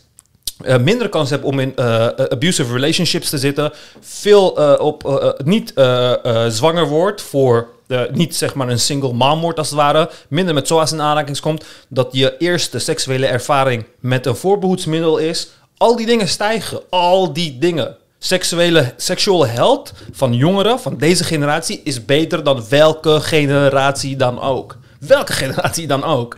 Weet je? Maar dat zien al die mensen niet. Want het is gewoon, je wilt, je, je wilt je niet bij de feiten houden. Je wilt gewoon in een droomwereld leven waarbij jouw kind gaat nooit seks hebben. Terwijl ja, gemiddelde jongen, ik, ik had seks toen ik 15 was. Maar de fucking 15. Mijn moeder dacht van, oh, duurt nog wel jaren voordat hij seks had. Nee. nee. Weet je? Die dingen gebeuren gewoon en daar moet je kinderen voor... Uh, school is de juiste plek om kinderen daarin op te leiden. En dat is niet iets engs, dat is gewoon iets hartstikke normaals. Er zijn geen pedofiele bendes op scholen. Mensen zitten in scholen omdat ze om kinderen geven en daarin gespecialiseerd zijn. En die weten het vele malen beter dan moeders die weet ik veel, hun kind uh, geen conserveringsmiddelen geven omdat dat kanker geeft. Dat wordt door Big Pharma of weet ik veel wat. weet je? Dus, ja, uh, de hele hetze begon eigenlijk met Wier Duk. Die was ermee mm begonnen. En ik ging dus zijn podcast luisteren om te kijken wat hij er nog meer over zegt. Mm -hmm. Toevallig gisteren. En hij vertelde, ja, mijn zoontje zit op de basisschool. Trouwens, hij heeft een zoontje met Fidan Ikis. Ja. En uh, hij zei van, um, ja, hij vindt het allemaal maar goor en vermoeiend. Uh, die lentekriebels en zo. Uh, vermoei die kinderen er niet mee. Ze willen gewoon spelen, voetballen. Waarom moet dat zo vroeg op de basisschool? Waarom niet? Ja, ze, hebben, ze associëren het gewoon van het is niet nodig op die leeftijd, want het is nog een kind. Er is geen enkel data die laat zien dat een negatieve effect kan hebben. En alle data laat zien dat het een positieve effect gaat hebben. Dus de vraag is niet, waarom zouden we het doen op die leeftijd? Want dat antwoord hebben we al. We hebben de data. Het staat gewoon daar. Wierduk kan het gewoon... Het heet 30 Years of uh, Sexual Education. maar jij uh, bekijkt alles wetenschappelijk. Ja, maar op welke manier moet ik het dan bekijken? ja, hij bekijkt het denk ik gewoon een beetje zo uh, cultureel. Tot dom. ja. Nee, hij denkt gewoon van fuck de wetenschap. Het is zo raar. Het is alsof we hier discussiëren over... Nee, 2 plus 2 is 4. Zeg van, ja, maar jij bekijkt het wiskundig. Nee, maar 2 plus 2 is gewoon 4. Nu is gewoon 4. Er is gewoon geen plaats voor een andere... Want kijk, als er aanwijzingen waren... dat het schadelijk effect kan hebben... op uh, seksueel health van kinderen... 100% kunnen we erover praten. Maar dan moet je die aanwijzingen laten zien... want die zijn er niet. Ze zijn er gewoon niet. En dit is wat conservatief... conservatief de, Amerika eigenlijk, want daar komt het van overwaaien, al fucking decennia roept. Al decennia roept van, oh, it's gonna fucking uh, corrupt the youth en weet ik veel wat allemaal. Is nooit gebeurd. Het is nooit gebeurd, want die wereld bestaat niet. Die wereld waarin je kind opgefokt gaat worden, omdat hij over lilies leert, die bestaat niet. En tuurlijk vindt je kind het goor. Ik vond, ik vond fucking, ik vond meisje, meisjes hadden bacillen. Ze hadden hubba, oké? Je wilde meisjes niet eens aanraken. Dat vond ik ook goor. Nu is dat gay as fuck. Dat was gewoon gay van mij. Weet je? Nu zijn de homo's. denk van, oh, gat voor een kutje. maar zo waren wij toch ook. Denk je dat in groep 4 uh, eh, dat je dan, uh, ja. Het is, gewoon, het is gewoon heel raar. Van mijn kind vindt dat maar goor, laat ze gewoon spelen en weet ik wat. Sorry, maar de school is niet om te spelen en zo. Het is om dingen te leren die je eigenlijk niet wilt leren. Dat is waar die school voor is. En wat Baudet ook had, was een fragment van Bloot, dat mhm. programma. Met die Edson da Graça. Ja. En daar hadden ze een trans iemand, geloof ik, die ook naakt was. En dat was natuurlijk, ja, dat was natuurlijk, dat kan niet. Dus, Waarom? Uh, ja, omdat je kinderen daar niet mee moet vermoeien. En het is, uh, weet ik veel. Ik denk, ik denk oprecht dat al die mannen die problemen hebben met die lullen, uh, want het is het probleem met die lullen. Hè? Met een kut zouden ze nooit een probleem hebben. Als ze allemaal vrouwen waren en je zag borsten en kutten, hadden ze daar nul probleem mee. Nul probleem mee.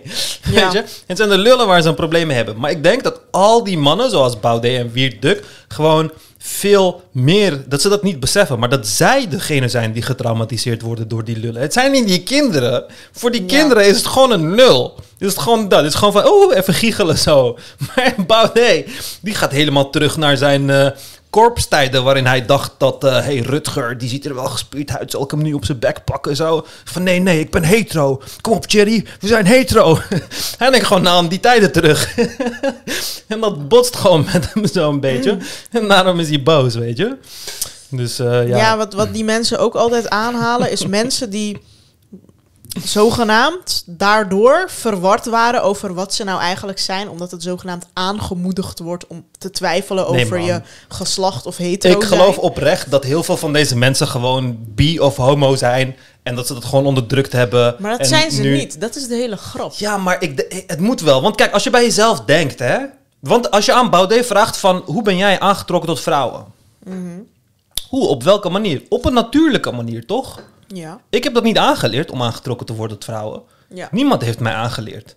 Maar je zou wel kunnen stellen dat het mij is aangeleerd. Want we leven in een heteronormatieve wereld en alles, alle beeld en weet ik veel wat is op man-vrouw gericht. Dus misschien is, het me wel aangeleerd. Maar het is me niet aangeleerd. Want ik weet dat ik zo ben geboren. Ik weet dat ik me aangetrokken voelde tot vrouwen. En ik weet ook dat er niks kan zijn wat ervoor gaat zorgen dat ik me aangetrokken ga voelen tot mannen. Ik vind dat het gewoon niet sec. Ik denk niet van ik wil mijn gezicht tegen een stoppelbaard drukken of zo, weet je.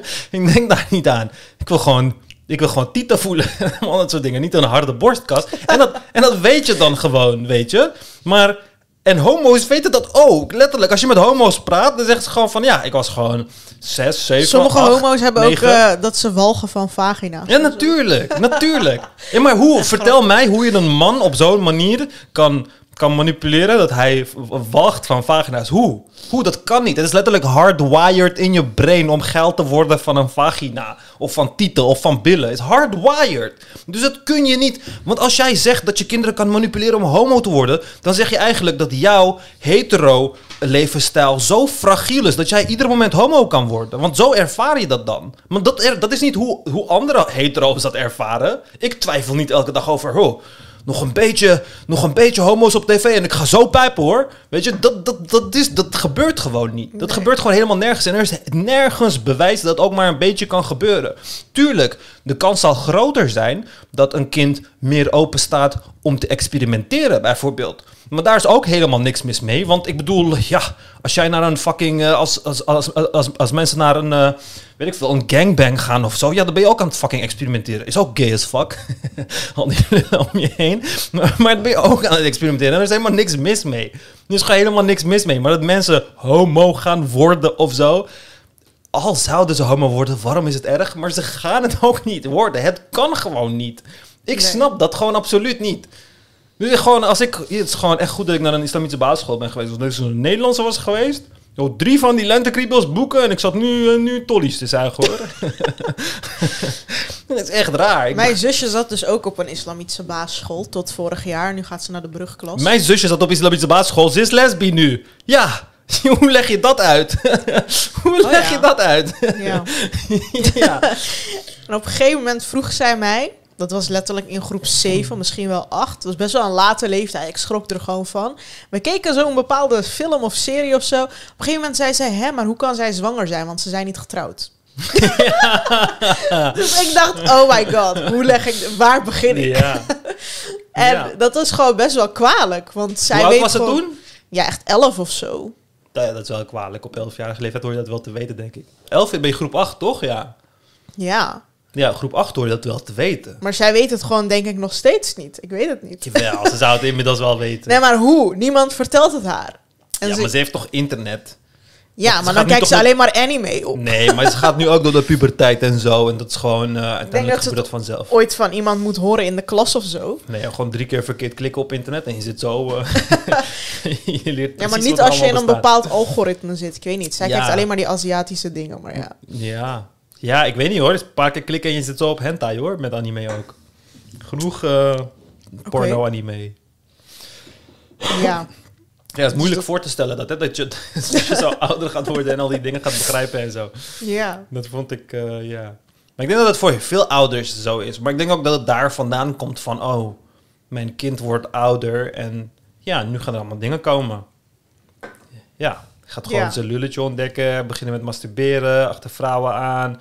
Meisje gaat allemaal dingen erin proppen en weet ik veel wat allemaal. En ja, dat is allemaal normaal. Maar het schijnt dus ook te zijn, in die lentekriebelsweek he- hebben zoveel ouders hun kind thuis gehouden, zodat ze niet eh, daaraan blootgesteld werden. Ja, weet je wat je dan krijgt? Ik heb van zoveel vriendinnen gehoord dat hun eerdere, hun allereerste, hun seksuele ervaring als kind, zeg maar. Is, is het pedofilie als ik hierover ga vertellen? nee, Als hun, kind. hun seksuele ervaringen als kind, zeg maar, seksueel plezier als Wat kind. bedoel is je als kind? Ja, als kind. Dat ze Oh. gewoon 9, 10 zijn of zo. Dat ze dan op een speelplaats... dan het ene meisje gaat grinden op de knie van het andere... van het buurmeisje of weet ik veel wat allemaal, weet je? En dat soort dingen doen ze dan. En ja, Ja. dan ga je dat krijgen. Zo'n compleet distorted beeld van al die dingen. Omdat niemand jou heeft geleerd van... hé, hey, dat hoort niet in de openbaar. Het hoort ook niet met andere mensen. Je bent nu nog kind en dat hoort gewoon... als je dat wil doen, doe je dat gewoon alleen in je slaapkamer, weet je? Allemaal dat soort dingen. Dat heb je dan allemaal niet aangeleerd. En dat heb ik bij veel mensen gezien. Zeg maar, mensen die. Eh, bij wie het lang duurde voordat ze daarachter kwamen. Ook relaties die ik daarin hadden ge- heb gehad, die waren veel terughoudender op het gebied van ehm, eh, seks en ook gewoon seksueel plezier en allemaal dat soort dingen. Alles wat, wat stiffer, zeg maar. Het was minder open. Ja. Terwijl meiden die dat wel op een jonge leeftijd hebben gehad en dat hebben ontdekt en weet ik veel wat allemaal, die zijn veel opener op seksueel gebied en die zitten dan ook niet met la- lastige dingen. Weet je, terwijl ja, onze generatie is, of ja, onze generatie, in onze cultuur is het meer van, eh, ja, gewoon bek dicht houden, benen spreiden en eh, ja. Ja, soms vraag ik me af. Kijk, ik heb bijvoorbeeld heel veel nichten en tantes en zo die gewoon, weet je wel, ze ontmoeten iemand, verloven, helemaal niks met elkaar doen, nog net je hand vasthouden, zeg maar. ja. En dan trouwen en dan samenwonen, dan heb je huwelijksnacht. Maar soms vraag ik me echt af van, hoe gaat dat dan? Want je hebt gewoon nog letterlijk niks gedaan ja, en dan moet het ineens gebeuren. Ja. Maar waarschijnlijk gaat het wel goed anders. Nee, ja, ik denk dat het heel vaak niet goed gaat hoor. En mannen, kijk, als je als man, sowieso is de kans heel klein dat die man dan ook maag is die avond. Maar als die man dan ook maag is, ga je waarschijnlijk fucking snel klaarkomen. Want het is gewoon je eerste keer, weet je. Mijn eerste keer duurde waarschijnlijk 30 seconden of zo, echt zoiets, weet je. Ja. En, eh, en ja, dan is er niet echt heel veel wat je daaruit kan halen. Terwijl als je allebei gewoon ervaren bent en je kent elkaar, wow, yo, dan kun je zo'n fucking hete eh, huwelijksnacht hebben. maar ja, dan Nou ja, zeggen ze niet. weer dat komt vanzelf. Dat, dat mag niet. Ja, dan moet je in je huwelijksnacht moet je eerst, eh, ja, moet je eerst een lully zien voor 20 seconden, die dan daarna gelijk weer slap wordt. En dan eh, zit jij daar, eh, en dan ja, ben je nog steeds maagd. ja. ja. Ja. Ik denk dat je hele grappige footage krijgt als je daar beelden van hebt. maar tegelijkertijd denk ik ook dat, eh, kijk, als ik denk aan de soorten mannen die daarmee trouwen, ja, als man ga je dan, kijk, dat zijn gewoon mannen die wanneer ze onzeker worden hun vrouw slaan en zo, weet je. Het zijn gewoon van dat soort dingen. En ja, die mannen, dat gaat die mannen wel heel erg onzeker maken. Want die kijken dan ook uit naar zo'n... Want dat is het. Ze kijken en uit naar zo'n gekke seksavond. Maar tegelijkertijd willen ze ook iemand die helemaal onervaren is en zo. Ja, is een Dus- beetje een rare, dubie, Ja. dubbele, rare situatie. Zo van, ik wil gepijpt worden, maar mijn vrouw mag niet pijpen. ik heb Want die hoe weet ze gehoord. ja, ik heb die zo vaak gehoord. Oh. Ja, het is echt, eh, echt bizar, hè? Maar goed, ja, over kinderen, seks, ja, eh, ik ben het helemaal met je eens eigenlijk, ja. Ik heb ook vrienden hoor, die eh, deze week allemaal dingen naar me doorsturen. Kijk hoe walgelijk en zo. Maar ik heb er eigenlijk niet eens op gereageerd, omdat ik denk, ja, wat moet ik nou hierover zeggen? Of schrijf hier een column over, krijg ik dan. Ja, Ik wil er best een column over schrijven, maar dan ga ik gewoon positief zijn. Ja. Eh, want ik zie ook niet echt het directe nadeel in van... Ja, op een hele vroege leeftijd, wat, wat hun dan een hele vroege leeftijd vinden... basisschoolleeftijd, te leren over eh, ja, hoe baby's gemaakt worden... ja. dat je geslachtsdelen hebt, dat je eraan kan zitten en dat dat fijn is. ja. Dat soort dingen leer je, toch? Ja, maar ik denk dat daarom heel veel mensen ook niet begrijpen dat... Kijk, ook al zouden we kinderen leren van... Luister, je moet die vrouw op, op de knieën zetten en dan gewoon voor achter en zo. Als we precies leren van dit is hoe je gewoon goed neukt, weet je. We leren die kinderen gewoon van A tot Z. Jongen, ik ga je zelfs leren hoe je een vrouw laat squirten, weet je wel. Alles van A tot Z. Ga je die kind alles leren. Zelfs dan gaan die kinderen niet seks hebben of zo, want het zijn kinderen. Het Ja. zijn kinderen. Ze, ze kunnen, hebben daar helemaal ze- geen interesse die, die in. gevoelens kunnen nog niet ontstaan. Dat ontstaat pas in je fucking puberteit. Je denkt Ja. als kind heb jij nooit gedacht. ik wil deze persoon echt neuken, man. Heb je nog nooit gedacht? Nee. Je dacht misschien van, oh, deze persoon is mooi. Ik vind deze persoon mooi. Deze persoon maakt mij blij. Allemaal dat soort dingen. Maar je hebt nooit gedacht, ik wil mijn lul in deze persoon steken. Of ik wil dat deze persoon iets in mijn kut steekt. Dat denk Nee. je gewoon niet als kind. Als je op die leeftijd verliefd bent, dan denk je van... Oh, hield ik maar zijn handje vast. Precies, precies, precies. Of een kusje op de wang. Vind je Precies. al heel wat. Precies. Dus dan de wat, jongens. Het was, ja. Ik zou, ik, het, als kind zou je niet eens, als, tenminste als jongen, zou het echt bijna onmogelijk zijn om op die leeftijd te, te neuken. Want eh, zelfs een stijve krijgen is vrij, eh, ja, het is niet echt iets waar je, waar je seks mee gaat kunnen hebben, laat me het zo zeggen. Ja. En dat komt pas letterlijk na, bij de eerste klas, na groep 8. Rond groep 8 komt dat, weet je. Dan groeit dat een beetje zo op. Maar zelfs als je kinderen van A tot Z alles zou leren, het gaat letterlijk, ja... Juist, dan ben je er zo geheimzinnig over. En dan vertel je niet wat een lul is. En dan vertelt iemand anders jouw kind wat een lul is. Dan zegt hij, hey, dit is kabouterpenis. Kom, geef, geef kabouterpenis maar een kusje. Een aaitje. Ja, weet je? Ja, dus dan, dan krijg je dat. En dan, ja, dan ben je de lul. Dan ben je de lul. Want dat laat de data ook zien dat de kans op misbruik vele malen lager eh, is. Omdat kinderen precies weten wat de grenzen zijn en hoe ze die moeten enforcen, zeg maar. Dus ja, het zijn gewoon, ik denk dat, eh, ik denk dat de, de echte kinderen in dit geval de mensen zijn die hier eh, over panieken. Ja. En het is ook langzaam dat je ziet dat onze generatie ouder aan het worden is. We worden van die ouderen die, die zeuren over... Oh, de nieuwe generatie is verloren. Oh, ze zijn verloren. Ze luisteren naar Koreaanse muziek van, van jongens die op meisjes lijken. En dat is allemaal LGBTQ en trans. En iedereen heeft 99 genders. En ze leren op vierjarige leeftijd hoe je moet dieptroten. En weet ik veel wat allemaal. Ja. dat is letterlijk. We zijn van die oude, oude old man yelling at the clouds geworden, zeg maar.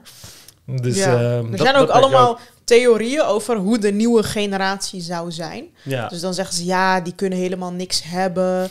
Eh, en dan denk ik van, ja, hoe kom je erbij? Heb je onderzoek gedaan? Of, Ja, eh, maar exact hetzelfde zijn ze ook over ons. Elke generatie zegt dat. En dat is het domme eraan.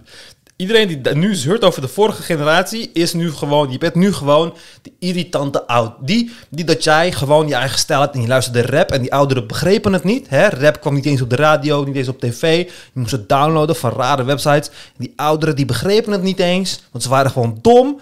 En ja, nu ben jij de domme. Jij hebt gelijk gehad. De rap heeft de wereld overgenomen. Allemaal goede artiesten. Het is op tv. Het is populair. Jij hebt gelijk gehad. En die ouderen hadden ongelijk. Maar nu ben jij die oudere die het ongelijk heeft. En nu gaat fucking K-pop de wereld overnemen en zo. En anime en zo. En ja, je vindt het misschien niet leuk. Je vindt het misschien raar. Maar ja, dat is wat de nieuwe generatie leuk vindt. En die kiezen dat, vriend. Dus eh, ja, je kan wel zo'n bejaarde zeurpiet zijn. Maar je kan ook inzien dat generaties gewoon zo werken. ja. Enige verschil wat ik merk met de nieuwe generatie is dat ze al de hele tijd Engels praten. Mhm. Mijn zusje ook. Dan zeggen ze, ja, dit is cringe, dit is awkward, anyway. en dan denk ik, ik praat gewoon Nederlands. Maar ja, dan voel ik me echt een oma. maar echt, gewoon die zinnen zijn voor de helft Engels. Ja. Ja. Maar ja, dat, eh, ja je gaat eh, over een paar generaties denk ik echt niemand meer vinden die Nederlands lult van de jongeren. Nee, ik denk dat, eh, dat we gewoon steeds meer dingen gaan incorporaten in het Nederlands. En dan eh, dat het gewoon zo'n mengeltaal wordt. Want ja, we praten ook geen oud-Hollands. Kijk, nu zie je nog dat vloggers worden bespot. Bijvoorbeeld Selma Omari, die praat de hele tijd met Engelse woorden. En dan zie je zo comments van, ik ben Selma en I'm very interesting, you know. En weet, weet je wel, dat soort dingen. En die hebben dan meeste likes. Maar op een gegeven moment gaat iedereen zo praten. Want je Ja. ziet het nu ook bij vloggers en zo, dat het helemaal hip is om steeds... Ja, toen ik erachter kwam, ik wist dus, dus niet toen ik naar Nederland kwam dat het een heel ding in Nederland was en zo. Toen ik erachter kwam dat Selma zo half Nederlands, half Engels praatte, sprak, dacht ik echt van, oh fuck, praat ik als Selma Omari? Eigenlijk wel. ja, ik weet Echt niet. Er was een periode dat dat echt gewoon, zeg maar, voor eh, domme mensen was of zo. Omdat je, Ja. zeg maar, Nederlands niet kan of zo. Maar eigenlijk heeft het niks met domheid te maken. Maar het is gewoon een soort van niet cool om de helft van je zinnen in het Engels te zeggen. Maar nu doet iedereen het. Ja, Ja. Ik, ik, ik gooi er ook steeds een Engels woordje doorheen. Ja. Ja, anyway, ja, we worden gewoon internationale gemeenschap. Ehm, even kijken.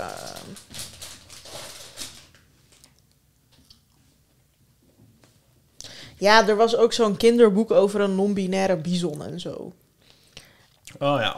En dat was dan op Semmelkro was dat ook zo van die comments van... eh, ze gaan eh, alles wordt hier eh, verkankerd. Als je geld hebt, moet je weg uit Nederland en bla bla bla. Ja, maar dat is dus die hele dichotomie tussen de echte wereld en het internet. Want al die mensen, sowieso 6 Mokro publiek, die volgen voornamelijk 6 Mokro voor nieuws. En 6 Mokro deelt best wel veel dingen, steeds meer. Van, oh, trans deelt LGBT dat, kinderen, weet ik veel wat, manipulatie en weet ik veel wat allemaal. Dus als je daarin leeft, in die internetomgeving, dan lijkt het inderdaad ook zo dat al die dingen spelen. Want ja, iemand is letterlijk jouw nieuws aan het voeren. Dus die persoon zijn overtuigingen, die zijpelen gewoon door, door het nieuws die hij aan jou voert. En dan denkt de jeugd dat inderdaad van, oh ja, ze zijn de kinderen homo aan het maken en zo. Maar ik denk altijd dan van, denk gewoon verder. Van, waarom? Waarom? Is met al die dingen zo. Het was ook zo met corona. Zo, oh, ze gaan ons allemaal in ons huis opsluiten en we gaan... Maar waarom? Geef gewoon één goede reden waarom we dat. Wat halen we eruit? Gewoon, jongen, we kunnen niet eens. De wereld gaat kapot. We kunnen niet eens de wereld fixen. We hebben niet eens zin om dat te doen, want het kost allemaal geld en zo. Denk je, we gaan kinderen allemaal maken? Denk je dat echt? Voor welke reden? Voor wat? Voor wat? Er is letterlijk geen reden. En dat is het domme wat ik eraan vind. Want het zijn altijd van die theorietjes, maar dan is er niet een paar seconden verder nagedacht. Oh, ze willen al onze kinderen trans maken. En waarom? Hebben trans mensen een benefit of zo? Hebben we nu tekort op de arbeidsmarkt aan trans mensen of zo? Wat is er? Ja, volgens mij zijn homoseksuelen toch over het algemeen succesvoller dan heteroseksuelen. Ja. Ja, komt omdat ze geen vrouwen hebben, weet je, want die verdienen niet zo goed. die werken niet zo goed. Nee, ja. Ja, ik vind het gewoon echt raar. Maar dit is ook gewoon een generatie die gewoon ouder wordt. En, ehm, en dan komen van die mensen op TikTok en zo, die dan random viral gaan, omdat ze dan kritisch zijn tegen de LGBTQ. En dan ben je gewoon een of andere Lego hoofd. Je bent gewoon 22 en je hebt een filmpje gemaakt op TikTok omdat je iets doms zei en andere domme mensen waren het met je eens. En nu ben je opeens LGBTQ-criticus influencer. Is dat opeens je nieuwe carrièrepad? En dan ga je allemaal onzin vertellen van ja, Maar wel grappig dat er dan zoveel publiek voor is die dat ook Natuurlijk. vindt. Natuurlijk, want alles wat je... Kijk, alle nieuwe dingen gaan voor dat zorgen. Alle nieuwe dingen. In tijden van homo's is dit ook gebeurd. Oh, eh, de hele wereld zou homo worden. Want het was opeens van... Oh, kijk, in 1800 was 0% homo. En toen Ja. werd opeens 1% homo. En toen 2%. En dan, ja, iedereen gaat homo worden. En weet ik veel wat allemaal. En mensen... eh eh, een AIDS was toen gekomen. En dan is het van... Oh, kijk, dit is de straf die homo's hebben. En weet ik veel wat allemaal, die mensen overal gediscrimineerd. Is exact hetzelfde gebeurd. En nog steeds heb je mensen, nog steeds, vandaag de dag. Ik heb twee dagen geleden nog met eentje een discussie gehad. Er zijn nog steeds mensen die denken van, je wordt gewoon homo. Je kiest ervoor om homo te zijn. Je kan gewoon Ja. homo worden. Je bent niet zo geboren. Je wordt gewoon zo. En nog steeds geloven mensen dat. Dus als we, Ja, dat zei mijn broertje ook. als we dat in die 40, 50 jaar homo-emancipatie niet in de meest ontwikkelde land in de wereld door mensen hun schedelpan hebben kunnen, kunnen, kunnen ja. Boren. Ja dan, ja, dan laat dat toch zien dat er nog heel veel te halen valt in het onderwijs. Want dat betekent dat we nog 40, 50 jaar van, het, van deze problemen gaan hebben, omdat mensen dat gewoon simpelweg niet kunnen accepteren. Terwijl het helemaal geen probleem is. Er is gewoon nergens zo'n probleem. Weet je, mensen maken allemaal probleem om niks, man. Het is van, oh ja, want eh, oh, nu mogen mannen ook in de vrouwenwc en dan gaan ze kinderen verkrachten. Het zijn allemaal van die domme dingen, weet je. Van, er gebeuren nooit verkrachtingen op openbare wc's en zo. Dus ook met, oh, we moeten de kinderen beschermen en dat. Maar niemand heeft het over die kind in zijn eigen fucking huis beschermen, aangezien het overgrote overgrote deel van fucking rape van kinderen gebeurt gewoon in hun eigen huis en door mensen in hun eigen omgeving. Dat is gewoon overgrote deel. Als je Ja. kindermisbruik wil tegengaan, hoor je dat te doen. Zogenaamd pedojager op het internet. Weet je hoe fucking onsuccesvol pedo's op het internet zijn? Fucking onsuccesvol. Weet je hoe succesvol oom Roppie is? Die elke week op, eh, op zijn nichtjes mag passen? Fucking succesvol. Elke avond wordt er geneukt. Dat is, het, dat is de plek waar je die probleem moet oplossen. Maar dat zijn realistische problemen en ze zijn niet spannend en ze zijn te echt. En je kan er niks aan doen, want andere mensen die veel beter dan jou zijn, werken er al aan en denken er al aan. Dus dan ga jij iets nieuws verzinnen. Ik wil ook de kinderen redden tegen een onzichtbare monster. De staat die ze manipuleert, of de elite die ze ontvoert en verkracht en weet ik veel wat. Het is niet echt. Het is niet echt. Is gewoon iets wat mensen op het internet spelen om een spannend gevoel te krijgen, zodat ze het gevoel hebben dat zij ook strijden tegen iets. Maar het is niet echt. Het gebeurt gewoon niet. We weten precies waar al die dingen plaatsvinden. En als je die dingen tegen wil gaan, dan doe je dat via de normale kanalen. Maar zo'n hele realiteit kweken van, eh, ja, er worden kinderen gemanipuleerd en weet ik veel wat allemaal. En het komt allemaal van Amerika overzwaaien. Daar is nu het hele idee van trans mensen zijn groomers. Dus eigenlijk willen ze gewoon kindertjes neuken. Daarom heb je dus die transleesuurtje en zo. Want wanneer ze dat kind op die schoot zetten en een boek voorlezen, dan hebben ze eigenlijk een stijf. Omdat ze denken, ik wil deze kind gaan palen of zo. Dat is het hele idee dat ze in hun hoofd hebben. Ja. maar ja, het is, het is, ja, het is gewoon, het is gewoon deprimerend om te zien hoe je, hoe, hoe je naar deze dingen kijkt in Amerika en denkt van, wow, jullie zijn fucking dom dat jullie in deze dingen geloven. En dan, acht maanden later is het in Nederland. En van, huh? Maar wij waren toch niet zo dom? Maar wij waren toch, wij lachten toch om deze dingen? Maar ja, is nu niet het geval. Ja, ik had een etentje een paar maanden geleden met eh, mijn broertje en een vriend van hem, die eh, vaak meekomt. En op een gegeven moment had hij het ook over, ja, eh, iedereen wordt hier, eh, die LGBTQ wordt aan kinderen geleerd, bla bla. Ik dacht, oké, ja, laat maar lullen. Op een gegeven moment had, had hij een voorbeeld, zei hij van, bijvoorbeeld laatst zei ik van, oh, het is echt een eh, sterke neger. Toen zei mijn broertje van, Abi, dat mag je echt niet meer zeggen. en toen ging hij hem leren van, hou back, je mag gewoon alles zeggen. En, ik wat. en toen dacht ik echt, is dit je voorbeeld? weet je? Maar het is gewoon, daar, kan, eh, daar kunnen mensen zich aan storen. En deze gast doet gewoon HBO. Dus eh, ja. Ja, nog een bewijs dat, eh, ja. ja, mensen zijn gewoon een beetje ja, dom. Ja. Ze kunnen zich over van alles opwinden. Ehm, even kijken. Oh ja, pedojagers. Dennis Schouten was dus in zijn wang gestoken met een mes. Omdat hij Oh ooit in een video blijkbaar had verteld dat hij een relatie had met een 17-jarige of zo. Of seks had met een 17-jarige, ik weet niet. En Hmm. toen hebben pedojagers...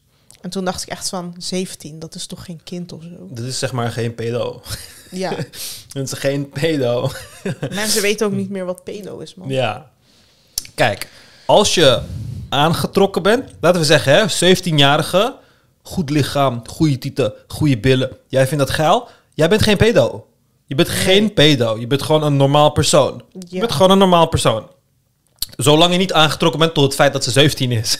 Ja. zeg maar. Maar je bent een meisje, onderontwikkelde borsten, klein, kinderlijk uiterlijk. Je bent daar aangetrokken tot. Je bent pedo. Simpel. Stellig simpel. Als je ernaar zou kijken en ze zeggen van dit is een kind en je bent daar tot aangetrokken, dan ben je pedofiel. That's Ja. it.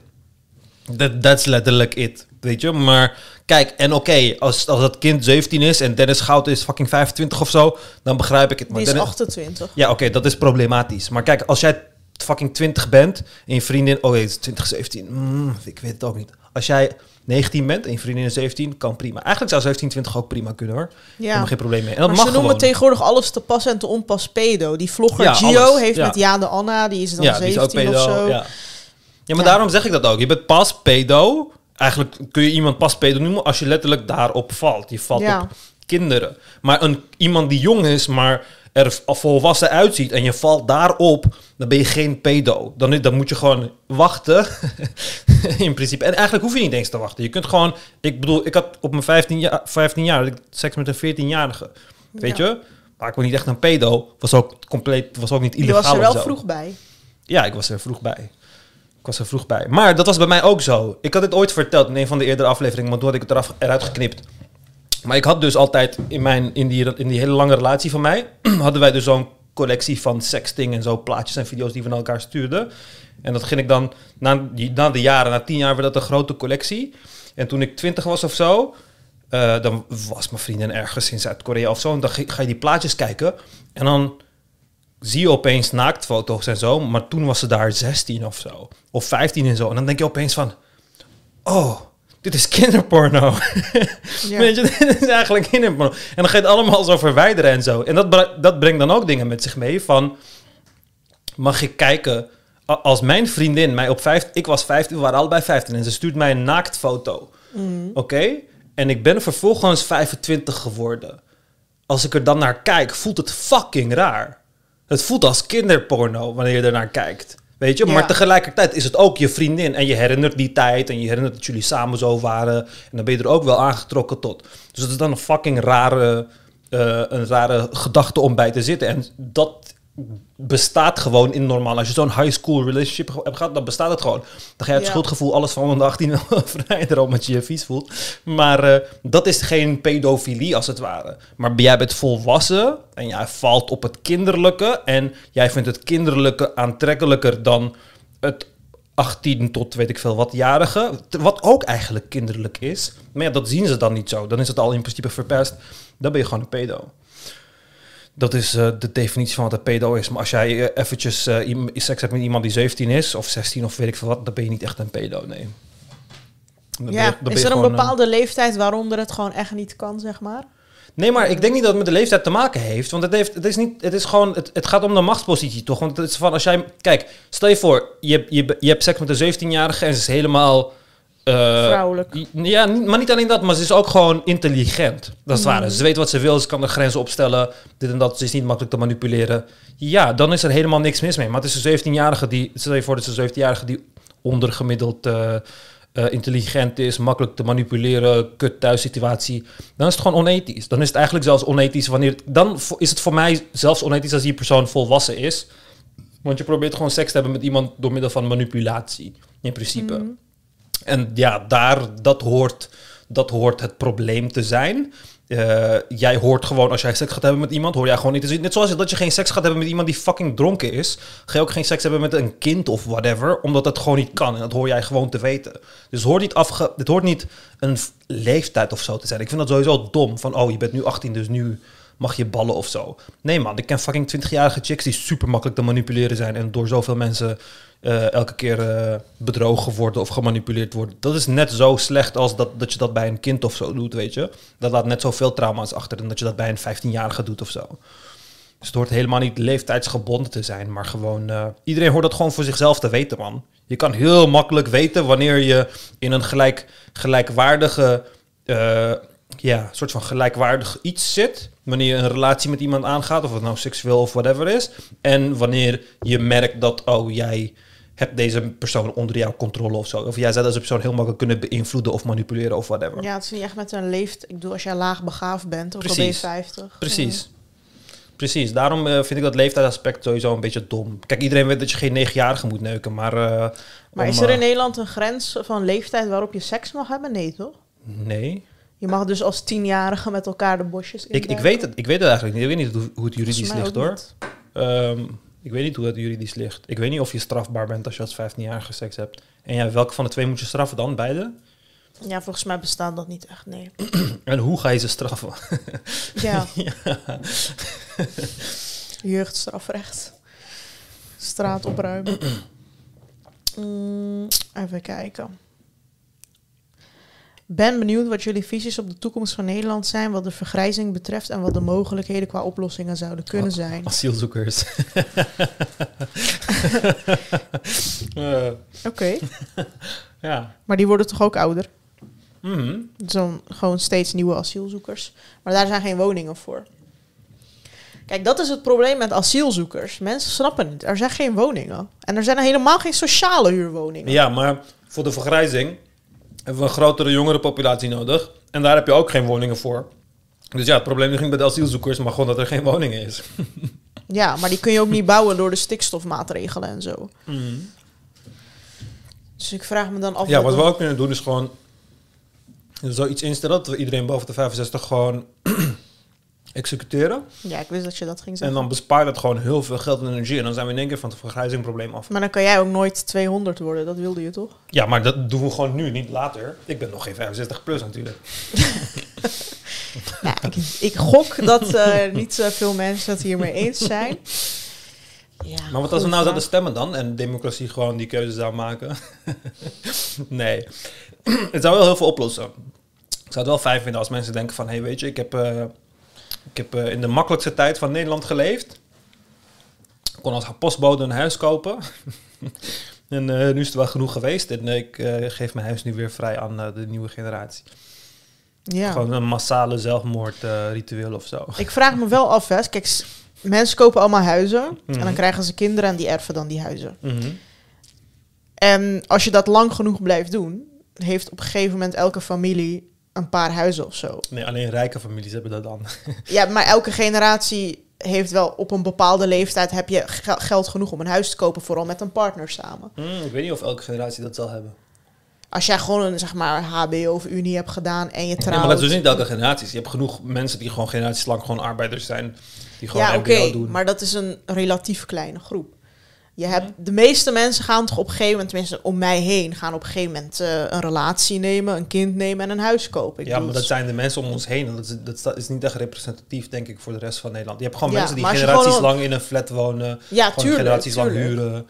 Maar als jij gewoon zeg maar een bovengemiddeld goed salaris hebt, Ja, wat de meeste Nederlanders gewoon hebben. ja sowieso. Nou, maar daarom, voor, als, je, als je gewoon een En goed... vooral als je met z'n tweeën bent. Ja, sowieso, Dan kan maar- je gewoon een huis van bijvoorbeeld twee ton halen. Oh ja, ik weet niet waar je een huis van twee ton hebt tegenwoordig. Nou, in de provincie heb je genoeg huizen met van oh twee ja. ton. ja, op die fiets. Je kan ja. zelfs studio's halen van twee ton, bij wijze Mhm. van. Dus je kan gewoon, vooral met z'n tweeën, kan je op een gegeven moment echt wel wat een lening krijgen, weet je wel. Vooral als je een vast contract hebt en zo. Mhm.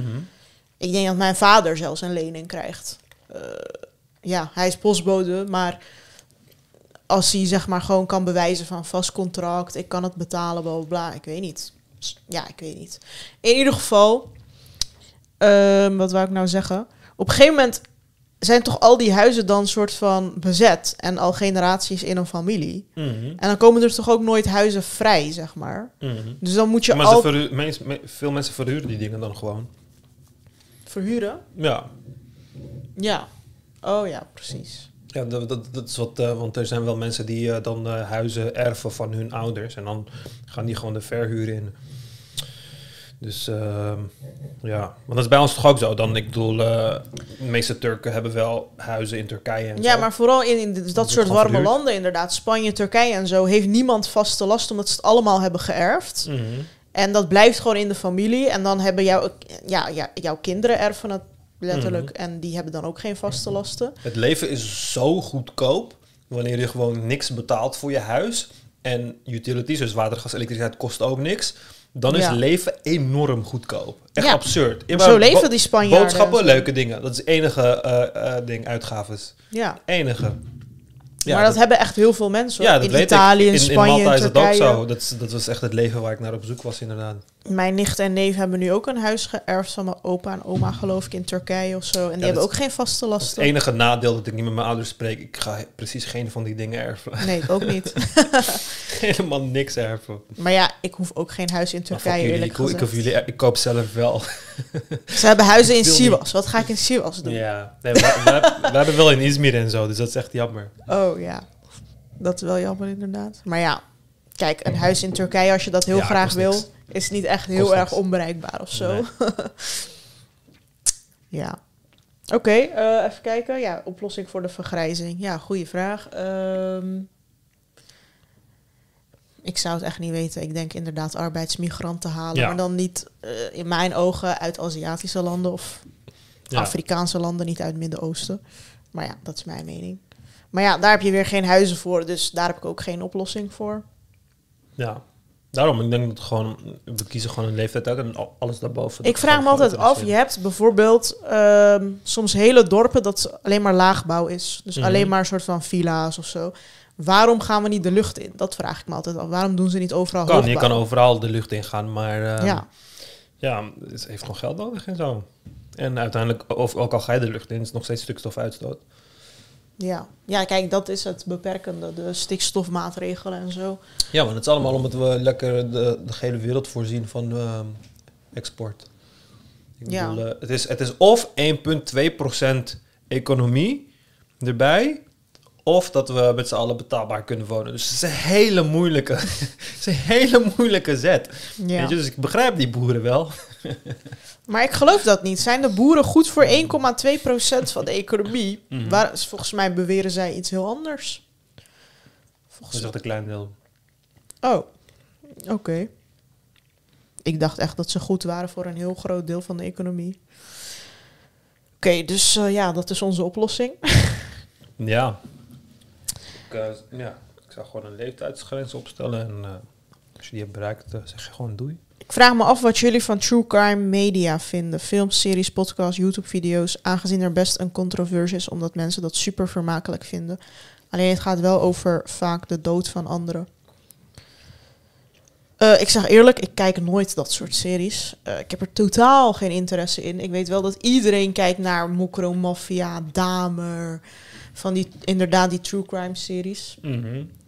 Want Mokro Mafia is ook weer gebaseerd op het leven van Taghi en zo. En, oh ja, ik heb wel Narcos gekeken trouwens. En dat is wel weer het leven van Pablo Escobar. Nou, dat vond ik wel heel vermakelijk om naar te kijken. Eh, niet vermakelijk, want je ziet de hele dag mensen doodgaan. Maar het was Ja. gewoon spannend. Dat is ook vermakelijk. Ja. Nee, het is gewoon spannend. Je weet niet zeg maar, wat er nu gaat gebeuren. Je weet niet hoe hij het probleem gaat oplossen. Mhm. En dat is het vermakelijke daaraan. Ehm, en af en toe word je gechoqueerd omdat er weer een kind wordt doodgeschoten. Maar kijk, ik kan het, eh, ik kan het wel missen. Ik bedoel, ja. Ja, het is echt enorm, enorm populair nu. South Park had er ooit een aflevering over gedaan. Want al die hu- huismoeders, die voetbalmoeders, die kijken dan altijd die dingen met hun man. Eh, van dingen van uh, seriemoordenaars of koppels die elkaar te lijf gaan of weet ik veel wat allemaal. ja, ik denk als je zelf geen spanning hebt in je leven of zo, dan is het vermakelijk of zo. Maar als je het echt heel vermakelijk vindt, ben je wel een beetje raar of zo. Ja, vind ik ook. Maar ja, ik kan alleen Narcos herinneren van wat ik heb gekeken. Maar ik weet niet of Narcos echt true crime is. Jawel, het is eh, gebaseerd op het, eh, wat echt gebeurd is met Pablo Escobar. Ze Hmm. hebben het zoveel mogelijk proberen te benaderen, laat ik het zo Ja. zeggen. Ja, ik vind ik vind eh, dat we heel erg gefocust zijn op allemaal. eh, de, de westerse wereld is een beetje. zit een beetje in een negatieve spiraal of zo. Er was. eh, een paar maanden geleden was er een studie uit. over berichtgeving in de pandemie. En het bleek dat eh, westerse landen, United States aan top, het meest. de meeste negatieve nieuws hadden over de, over de pandemie. Dus het ging allemaal Ja, maar dat alle- kon ik je ook wel zeggen hoor. ja, maar het is, het is toch gek dat United States aan de top is en dan gevolgd door heel veel westerse landen en dat bij, dat bij alle andere landen niet het geval is. Dus dat betekent wel dat we echt. Omdat het daar dictaturen zijn. Nee, maar het hoeft niet. Nee, joh, het hoeft niet allemaal dictaturen. Het, het heeft toch niet met dictaturen te maken. Ik bedoel, heel Azië, dat zijn toch niet allemaal dictaturen. Ik bedoel, eh, Afrika is het ook niet allemaal dictaturen. Zijn, je, hebt, het valt wel mee hoor, hoeveel dictaturen je hebt op de wereld. Maar allee, het is alleen West-Europa. Voor de rest, Oost-Europa heeft het heel goed gedaan. Zuid-Europa, behalve Italië, heeft het heel erg goed gedaan. Maar ehm, ja, wij zijn Maar mag je daar wel, zeg maar, allowed, zeg maar, kritisch zijn op ja, maar dat is het. Dat is het. We zijn niet. dat is het. Kijk, we zijn verdwaald in. Oh, maar we zijn. We waren kritisch tegen de overheid. We waren niet kritisch aan de overheid. We waren gewoon negatief. We hebben letterlijk on- onzin. We hebben, we hebben eh, dingen kritiek genoemd, maar het was gewoon onzin. En we waren gewoon bang. We zaten in onze feelings. We waren bang van naalden en weet ik veel wat allemaal. Heel bullshit verzonnen. Sommige mensen om gewoon chaos te kweken. Sommige mensen Maar om, weet je, om het is, geld te in verdienen. Nederland heb je geen regulering van wat iemand mag publiceren Precies, met precies. nieuws. Dus ik zag Precies. ook overal, Pfizer topman heeft zoveel miljards verdiend. En dat ene filmpje waarin ze zogenaamd toegeven dat het, eh, weet ik veel, experimenteel is of zo. Ja, Ehm, ja. ja, Ja, maar die dingen kun je ook in al die andere landen vinden. Maar ze worden gewoon niet populair omdat mensen maar hoezo? niet in die mindset zitten. Omdat wij, wij zijn vergiftigd daarin. Wij zijn vergiftigd in... Wij zijn de koning die in zijn toren zit en al zijn goud zo bij elkaar raapt en zo vasthoudt en fucking paranoïde is dat ieder moment van hem kan weggenomen worden. We weten dat we aan de top van de wereld zijn. En we zijn fucking paranoïde dat iemand het van ons gaat wegnemen of het een beetje van ons gaat afpakken. En dat was in de pandemie ook het geval. En dan, in plaats, en dan hebben we ons, we hebben ons letterlijk eh, gekeerd tegen de overheid. En de overheid had het op ons gemunt. En de wetenschappers hadden het op ons gemunt. Iedereen had het op ons gemunt. En ze zouden ons in onze huis opsluiten. Ze zijn compleet gek geworden. En als je naar die studie kijkt ook, dan hebben ze testen gedaan van eh, hoeveel negatieve nieuwsberichten per maand, per week en dat soort dingen.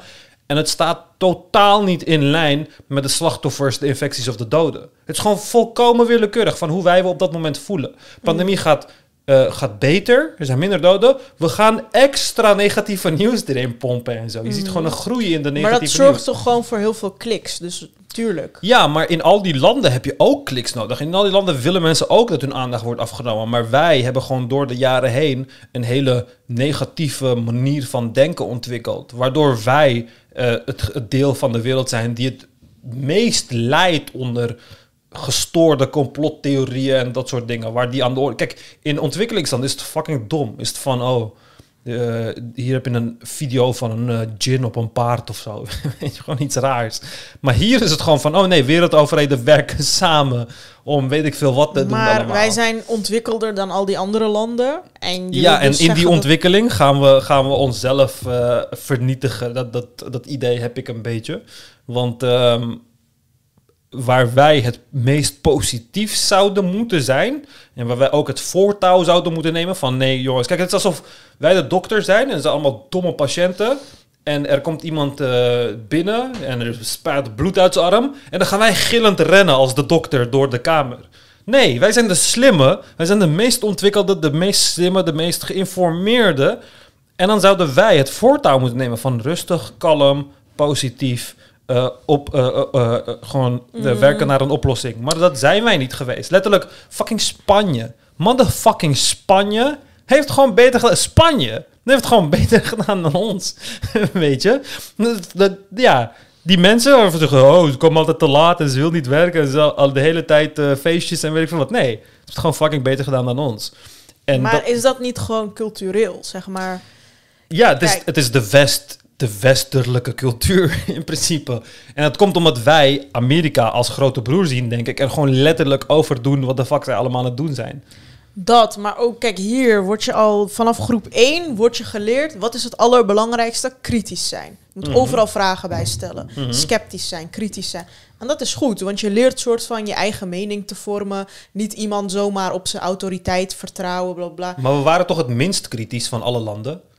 Hier hebben we het meest in complottheorieën geloofd. Ja, Want wat die dingen die wij hebben gedaan, dat is niet kritisch. mensen denken dat ze dan kritisch zijn. Ja, maar dat is dus geen kritisch zijn. Dus dan hebben we niet kritisch zijn geleerd. Dan hebben we eigenlijk ego geleerd. Dan hebben we geleerd van, als jij aan iets denkt en iets voelt, dan moet je vertrouwen op je gevoel. Want dat is eigenlijk wat er gebeurt. Het is eigenlijk van, nee, ik ben een, een ontwikkelde, hoogopgeleide exploitant van het meest geavanceerde, weet ik veel, zenuwstelsel van Europa. En ik ben gewoon in staat om dit soort keuzes te maken en zo. Terwijl dat niet, dat is niet kritisch zijn. Ja, je gaat dan op een gegeven moment je eigen kennis overschatten. Ja, en dat is niet kritisch zijn. Want als je dan kritisch bent op de overheid, maar niet op een random guy op het internet, of niet op een politicus of zo, dan ben je niet kritisch, dan ben je dom.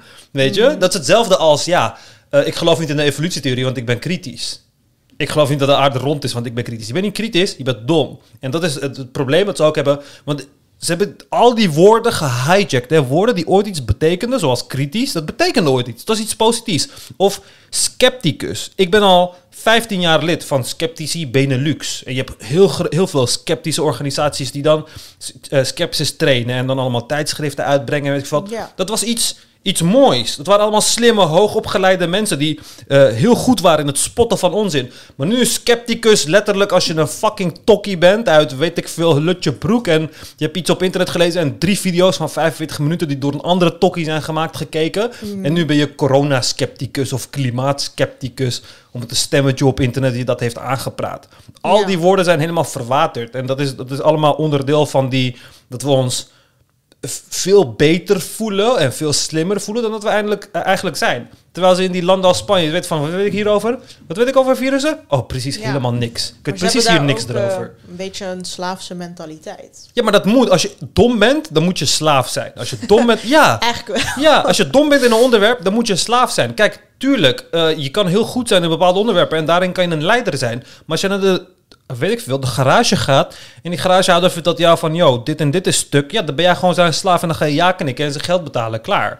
Weet je, hmm. want je hebt die kennis niet. Je hebt die kennis niet. Ook al ga je naar huis en 45 minuten op YouTube iets gaan, gaan kijken of weet ik veel wat. Je hebt die kennis niet. En tuurlijk, die garagehouder kan jou oplichten. Maar de kans dat overheid jou oplicht. En ook al zou de overheid jou oplichten, jij gaat ze niet ontmaskeren. Jij gaat het niet doen. Een of andere onderzoeksjournalist gaat dat doen. En dan gaan ze allemaal zaken spannen tegen de overheid. Jij gaat er helemaal niks aan doen. Je bent niet de held in het verhaal. Je moet gewoon bek dicht houden en doen wat de man op tv zegt dat je moet doen. Hoe fucking dystopisch dat ook klinkt. Dat is het gevolg van... Kijk, in Nederland hebben we letterlijk elke vorm van autoriteit uh, hebben we een schop gegeven. Mhm. Niemand is hier nog gelovig. Mhm. Ja, alleen Urk en uh, Staphorst. Eh, we nemen geen autoriteit meer aan. In Spanje zijn de kerken gewoon nog vol, hè? Ze zitten gewoon zo heel hard te Maar dat is bidden. andere autoriteit. We luisteren wel gewoon naar doktoren en zo. Maar het is ook van... Ja, maar als je zeg maar elke autoriteit in twijfel trekt, ga je ook wetenschappers op een gegeven moment in twijfel trekken. Ja, maar het is meer dat mensen eh, meer willen dat hun eigen waarheid ook moet tellen. Of hun eigen mening ook moet tellen of zo. Mensen hebben te veel, te veel, eh, te veel gewicht op ja, mijn eigen mening. Dat Ja. telt ook en zo. Nee. Gewoon nee, man. Gewoon echt nee. Als, het, Ja. als we in zo'n wereld zouden leven, dat we allemaal fucking dood zijn, man.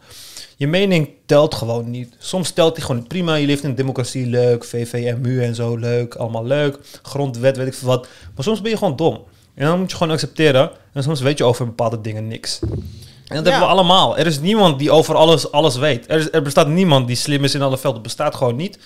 Ja, soms moet je dat gewoon overlaten aan andere mensen. Maar er zijn gewoon heel veel mensen op het internet die jou dat fijne gevoel willen geven van... Oh, kijk, hier is geheime informatie. Kijk deze geheime informatie. Hiermee kun je tegen je collega's zeggen van... Nee, dat zit helemaal niet zo. Dat zit zo. Want Ja. ik heb dit ontdekt. Ja, haha, geloof Maar- jij nog daar? Geloof jij nog op wat ze op de tv zeggen? Kijk deze YouTube, kijk deze Telegram groep link dan. Kijk hier dan. Ja, en dan voel je je fucking slim. Maar je bent gewoon dom. Ja. maar soms is het ook heel simpel. Bijvoorbeeld in die tijd hoorde ik van mensen... Sorry, maar hoe kan je in de trein een masker op moeten... en als je iets eet of drinkt, eh, je masker uitdoen... en dan verspreiden de bacteriën zich ineens niet. Weet je wel? Ja. En dan denken ze echt dat ze iets fucking slims hebben gezegd. ja, maar En- dus dan zeg je, dan, als ik dan president zou zijn, zou ik zeggen: Oh ja, oké, vanaf nu mag je dan ook niet meer eten. ja, want dat is de oplossing dan, Ja. toch? Want ze geven jou Nee, letterlijk. maar dat van, is misschien logischer voor die mensen dan dat. ja, want ze geven jou letterlijk van: Oh, nou, mensen moeten wel eten. Dus laten we een beetje gevaar accepteren door mensen wel zonder masker te laten eten en zo. En dan is het van: Oh, kijk. Kijk, ze geven ons hier vrijheid. Dus het is niet. Het is ook een soort van splitting, weet je. In psychologie heb je zoiets dat splitting is. Heet eigenlijk gewoon zwart-wit denken. Waarbij je. Hebben mensen in depressies en zo voornamelijk. Waarbij je het onmogelijk voor je is om het genuanceerd te bekijken. Dus alles of niets. Corona moet of heel Nederland vernietigen.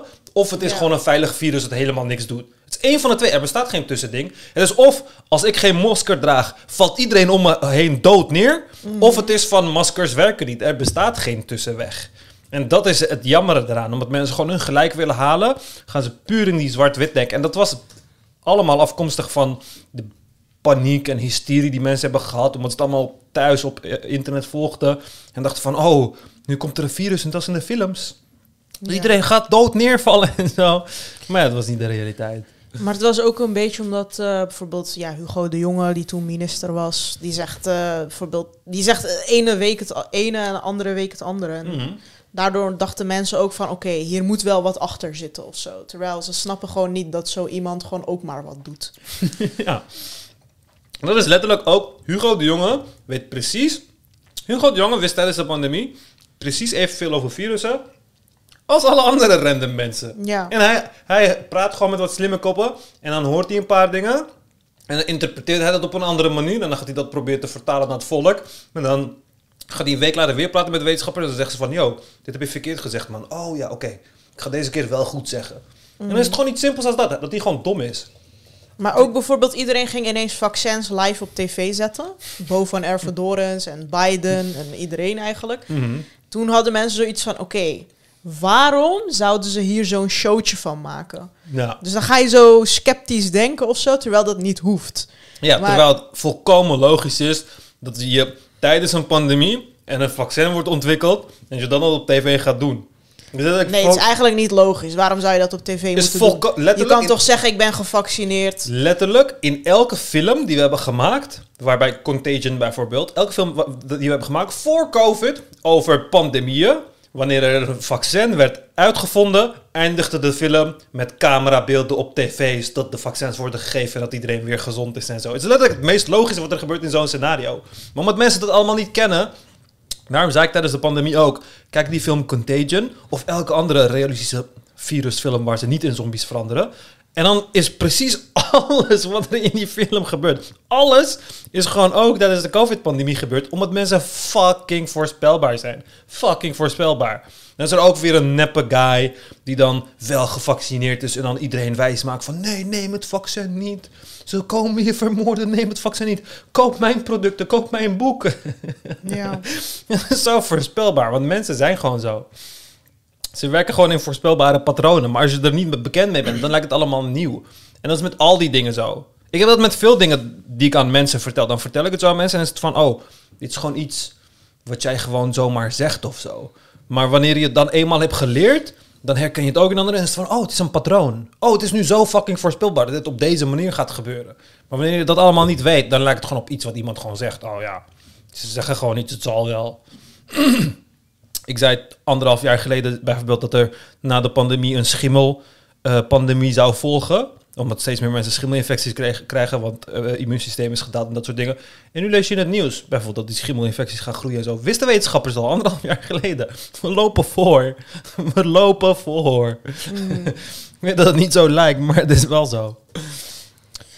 Ja, kijk, op een gegeven moment als jij niet eh, genoeg kennis hebt over dingen, kan je gewoon heel wantrouwig zijn. En als je dan hoort van ja, we hebben te veel mensen en Bill Gates heeft zoveel geld en we moeten gewoon af van te veel mensen, kan Bill je, Gates gaat mensen vermoorden. ja, kan zo. je heel snel geloven dat Ja. dat, eh, dat, Ja, maar dat- eigenlijk dus niet. Want eigenlijk zijn het gewoon hele logische regels. Dan die, want dan is het van, oké, Bill Gates doet dit, maar ik lees hier niks over.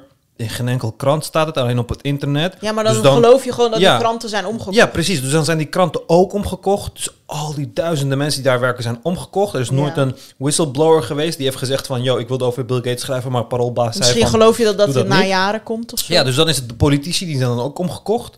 En dan voor je het weet, zijn de leraren op de scholen van je kinderen zijn ook omgekocht. En voor je het weet, de vrouw die achter het loket staat bij de gemeente, die is ook omgekocht. En dan is iedereen opeens omgekocht. nou, die hoeven toch niet en, omgekocht dan, te zijn. en dan hoort er een moment te komen dat jij moet denken van... hé, maar misschien ligt het aan mij.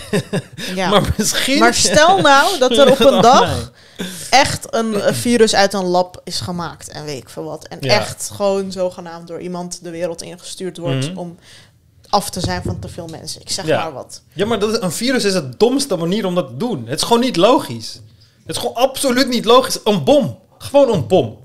Gewoon een bom. Ja, maar dat is te obvious. Dan heb jij het Hoe is gedaan. een virus niet obvious? Dan kun je zeggen, net als bij corona, het is zomaar uit een als, vleermuis als ik een gekomen. virus maak, kan iedereen letterlijk zien dat ik die virus heb gemaakt. Iedereen kan het zien. Nee, bij corona is het toch nog steeds een vraag waar het Nee, we weten komt. het. Nee, we weten 100% dat het, van, dat het eh, uit de natuur komt. Want we hebben uit de, nat- uit de natuur hebben we gewoon... Kijk, er is een lab leak theory dat het uit een lab is gelekt. Ja. Maar heel veel mensen snappen dit ook niet. Lab leak theory wil niet zeggen dat in een lab is gemaakt en dan is gelekt. De lab leak theory die er nu is, die mogelijk is, is dat er virusdeeltjes zijn verzameld uit de natuur en dat die dan in het lab waren opgeslagen en dat die daaruit zijn gelekt. Er is geen enkel, geen enkel mogelijkheid dat het virus in een lab is gemaakt. Geen enkel mogelijkheid. is nooit geweest. Het zijn een van, is het uit de natuur gelekt of is het uit de natuur meegenomen naar het lab en daar vanuit gelekt? En het is waarschijnlijk uit de natuur gelekt. Het is letterlijk naast een fucking, de, eh, eh, een plek, eh, eh, eh, de plek waar het is begonnen is letterlijk een fucking wet market waar allemaal dieren zitten en zo. Het is vrij logisch. Maar het is heel makkelijk voor mensen om te kijken. En dat is voor mij ook het probleem. Wanneer dit is voor iedereen, hè? Iedereen die geen moleculair biologisch of virologisch heeft, weet ik veel wat allemaal. Als je eraan denkt van wat is allemaal mogelijk, jij kan niet bedenken wat mogelijk is. Want alle, inf- alle informatie, alle informatie die je hebt op het gebied van virussen maken en virussen die uitlekken en mensen vermoorden en weet ik veel wat, komt uit films. Ze komen allemaal uit films. Allemaal. Gewoon letterlijk allemaal. Dus er bestaat in de normale virologiewereld, de moleculaire biologiewereld, kan ik alles wat ik zou maken, zal iedere moment gewoon fucking duidelijk zijn dat ik het heb gemaakt. Los van dat ik geen virussen kan maken, eh, dat ik geen betere virussen kan maken dan de natuur. Dat kan ik gewoon niet. Dat kan niemand. Om dat, om dat te doen, moet je een virus maken, een mens daarmee infecteren en dan kijken. Oh, dit doet dit. Oké, ik maak een nieuw virus, in- infecteer deze persoon. Oh ja, het doet dit. Ik maak een nieuw virus, infecteer persoon. Doe je duizenden keren, duizenden keren. Dan moet je eerst jarenlang moet je mensen infecteren. Zonder dat ze het weten moet je mensen ontvoeren naar het lab, infecteren en weet ik veel wat. En in die jaren en miljarden die je erin hebt gepompt... had je ook gewoon een fucking bom kunnen droppen ergens. Letterlijk. Ik kan mijn sporen beter eh, wissen met een bom. Ik zou sneller niet gepakt worden door een bom ergens achter te laten dan door een fucking virus achter te laten. Letterlijk. Letterlijk. Want ingrediënten voor een bom kan ik overal vinden. Ingrediënten voor een virus kan ik letterlijk alleen bij twee bedrijven in de hele wereld bestellen. dus Ja, op een gegeven moment in het begin van de pandemie, toen had ik nog Facebook, zag ik allemaal berichten van mensen die zeiden: ja, China die weet gewoon dat het een dictatuur is en dat ze hun eigen bevolking gewoon maandenlang op slot kunnen zetten. En ze willen gewoon de westerse landen verzwakken. Dus ze Ja. laten een virus los en westerse landen gaan en natuurlijk. wat zijn de bewijzen voor die claim? Ja, ze hebben geen bewijs. Nee, het is dus gewoon tekst op het internet. Maar het zou een filmscenario kunnen Ja, zijn. maar het is uiteindelijk gewoon tekst op het internet. En zodra wij zeg maar, ons gaan laten leiden door dat, oh, dat is ook een mogelijkheid, want het is tekst op het internet, dan zijn we de lul. Want ja, ik bedoel, ChatGPT kan jou duizend fucking scenario's geven. Duizend. En nog met aanknopingspunten en zo van, oh kijk, in dit PDF-bestand uit november staat ook corona of zo, weet ik veel. Dat is allemaal fucking makkelijk. Maar uiteindelijk heb je voor al die dingen, ja, je hebt er gewoon geen bewijs voor. En dat is, dat is gewoon de fout die we in alles hebben begaan. Want het, is het, is, het is meer geweest alsof we met z'n allen een film aan het kijken waren. En dan met z'n allen aan het roddelen waren van... Oh, maar zou het zo gaan? Of zou het zo gaan? Of zou dit zo waar zijn? Of zou het zo waar zijn? Terwijl alles wat uiteindelijk is gezegd vanuit de wetenschappelijke kant... Letterlijk alles... Uiteindelijk precies is gegaan zoals het is gezegd dat het is gegaan. Maar wat de mensen hebben geïnterpreteerd... Of iedereen interpreteerde van... Oh, we gaan een vaccin krijgen en dan is het voorbij. Niemand, heeft niemand ooit gezegd. Misschien een politici dat ooit heeft gezegd. Niemand uit de wetenschappelijke wereld die het ooit heeft gezegd. Maar nu is het van... Oh, weet je nog dat ze zeiden... Dat we na, de vaccins helemaal immuun zouden zijn. Oh ja, precies. Dat soort theorieën. Ja. Want op een gegeven moment kwam er een tweede ronde vaccin en een booster. Ja. Toen zeiden ze, ja, eh, straks komt de 66ste vaccin. En dan Ja. gingen ze allemaal memes maken van mensen die hun 87ste Ja. vaccin erin gingen doen. Ja, en er zijn nog steeds mensen die dat geloven. Omdat die mensen... Je, je weet zo weinig wanneer je dat soort Maar ze dingen voelen zegt. zich echt een eh, aap op een rots. Ze dat voelen zich fuck. En dat is wat mij boos maakt. Dat is wat mij zo fucking boos maakt, weet je? Dat is waarom ik. Dat is waarom. eh, oh, je moet aardig tegen die mensen zijn, want ze zijn ook gewoon. Nee, ze zijn niet verloren. Ze willen zich gewoon slim en machtig voelen omdat ze kankeronzeker zijn. Dat is letterlijk de realiteit. Ze zijn fucking onzeker over hun eigen domheid. En ze begrijpen het allemaal niet. Ze weten niet wat een virus, wat is RNA. Ze weten het allemaal niet. Ze hebben niet opgeleid tijdens biologie in de tweede klas en zijn gezakt toen. Ze weten het allemaal niet. Dus dan is het van, oh, kijk, ik ga wat slims roepen en dan ben ik fucking slim. Kijk hoe slim ik me voel. Kijk, al die VWO'ers en die Unie eh, afgestudeerden, die heeft de overheid allemaal gemanipuleerd natuurlijk. Maar ik, Henkie de stratenlegger, mij gaan ze nooit manipuleren. Weet je, dat is dan het hele fucking gedachte. Dus zo, ja, sorry, maar het is echt zo gestoord. En daarom ga ik ook nooit rustig zijn tegenover dat soort mensen, want ze verdienen het gewoon. Ze verdienen het omdat ik ze hun domheid gewoon in hun fucking gezicht druk. Maakt niet uit, ook al ga je niet van gedachten veranderen, boeit me niet. Maar voor je eigen persoonlijke ontwikkeling is het echt belangrijk dat je realiseert hoe fucking dom je bent geweest. We moeten eigenlijk belangrijk. een keer dat boek van Thierry Baudet, Corona Bedrog, moeten Nee, dat is echt, eh, ja, sorry, dat is, ja. moeten we hier Ja, die bank. Er zijn veel betere boeken van mensen die veel beter... eh, maar hij is gewoon... Hij, kijk, er zijn mensen die hetzelfde doen als hem, Maar beter. maar beter in Amerika en zo. Maar hij is gewoon nep. Hij is gewoon echt slecht. Waar is Thierry goed in? Waar is Thierry goed? Hij is in niks goed. Hij kopieert alleen maar mensen. Alleen maar. Hij kopieert rechtstreeks uit Amerika. En dan doet hij gewoon dezelfde fucking trucjes, maar dan slecht. Ja. Hij had het ook laatst over hyperloops op Twitter.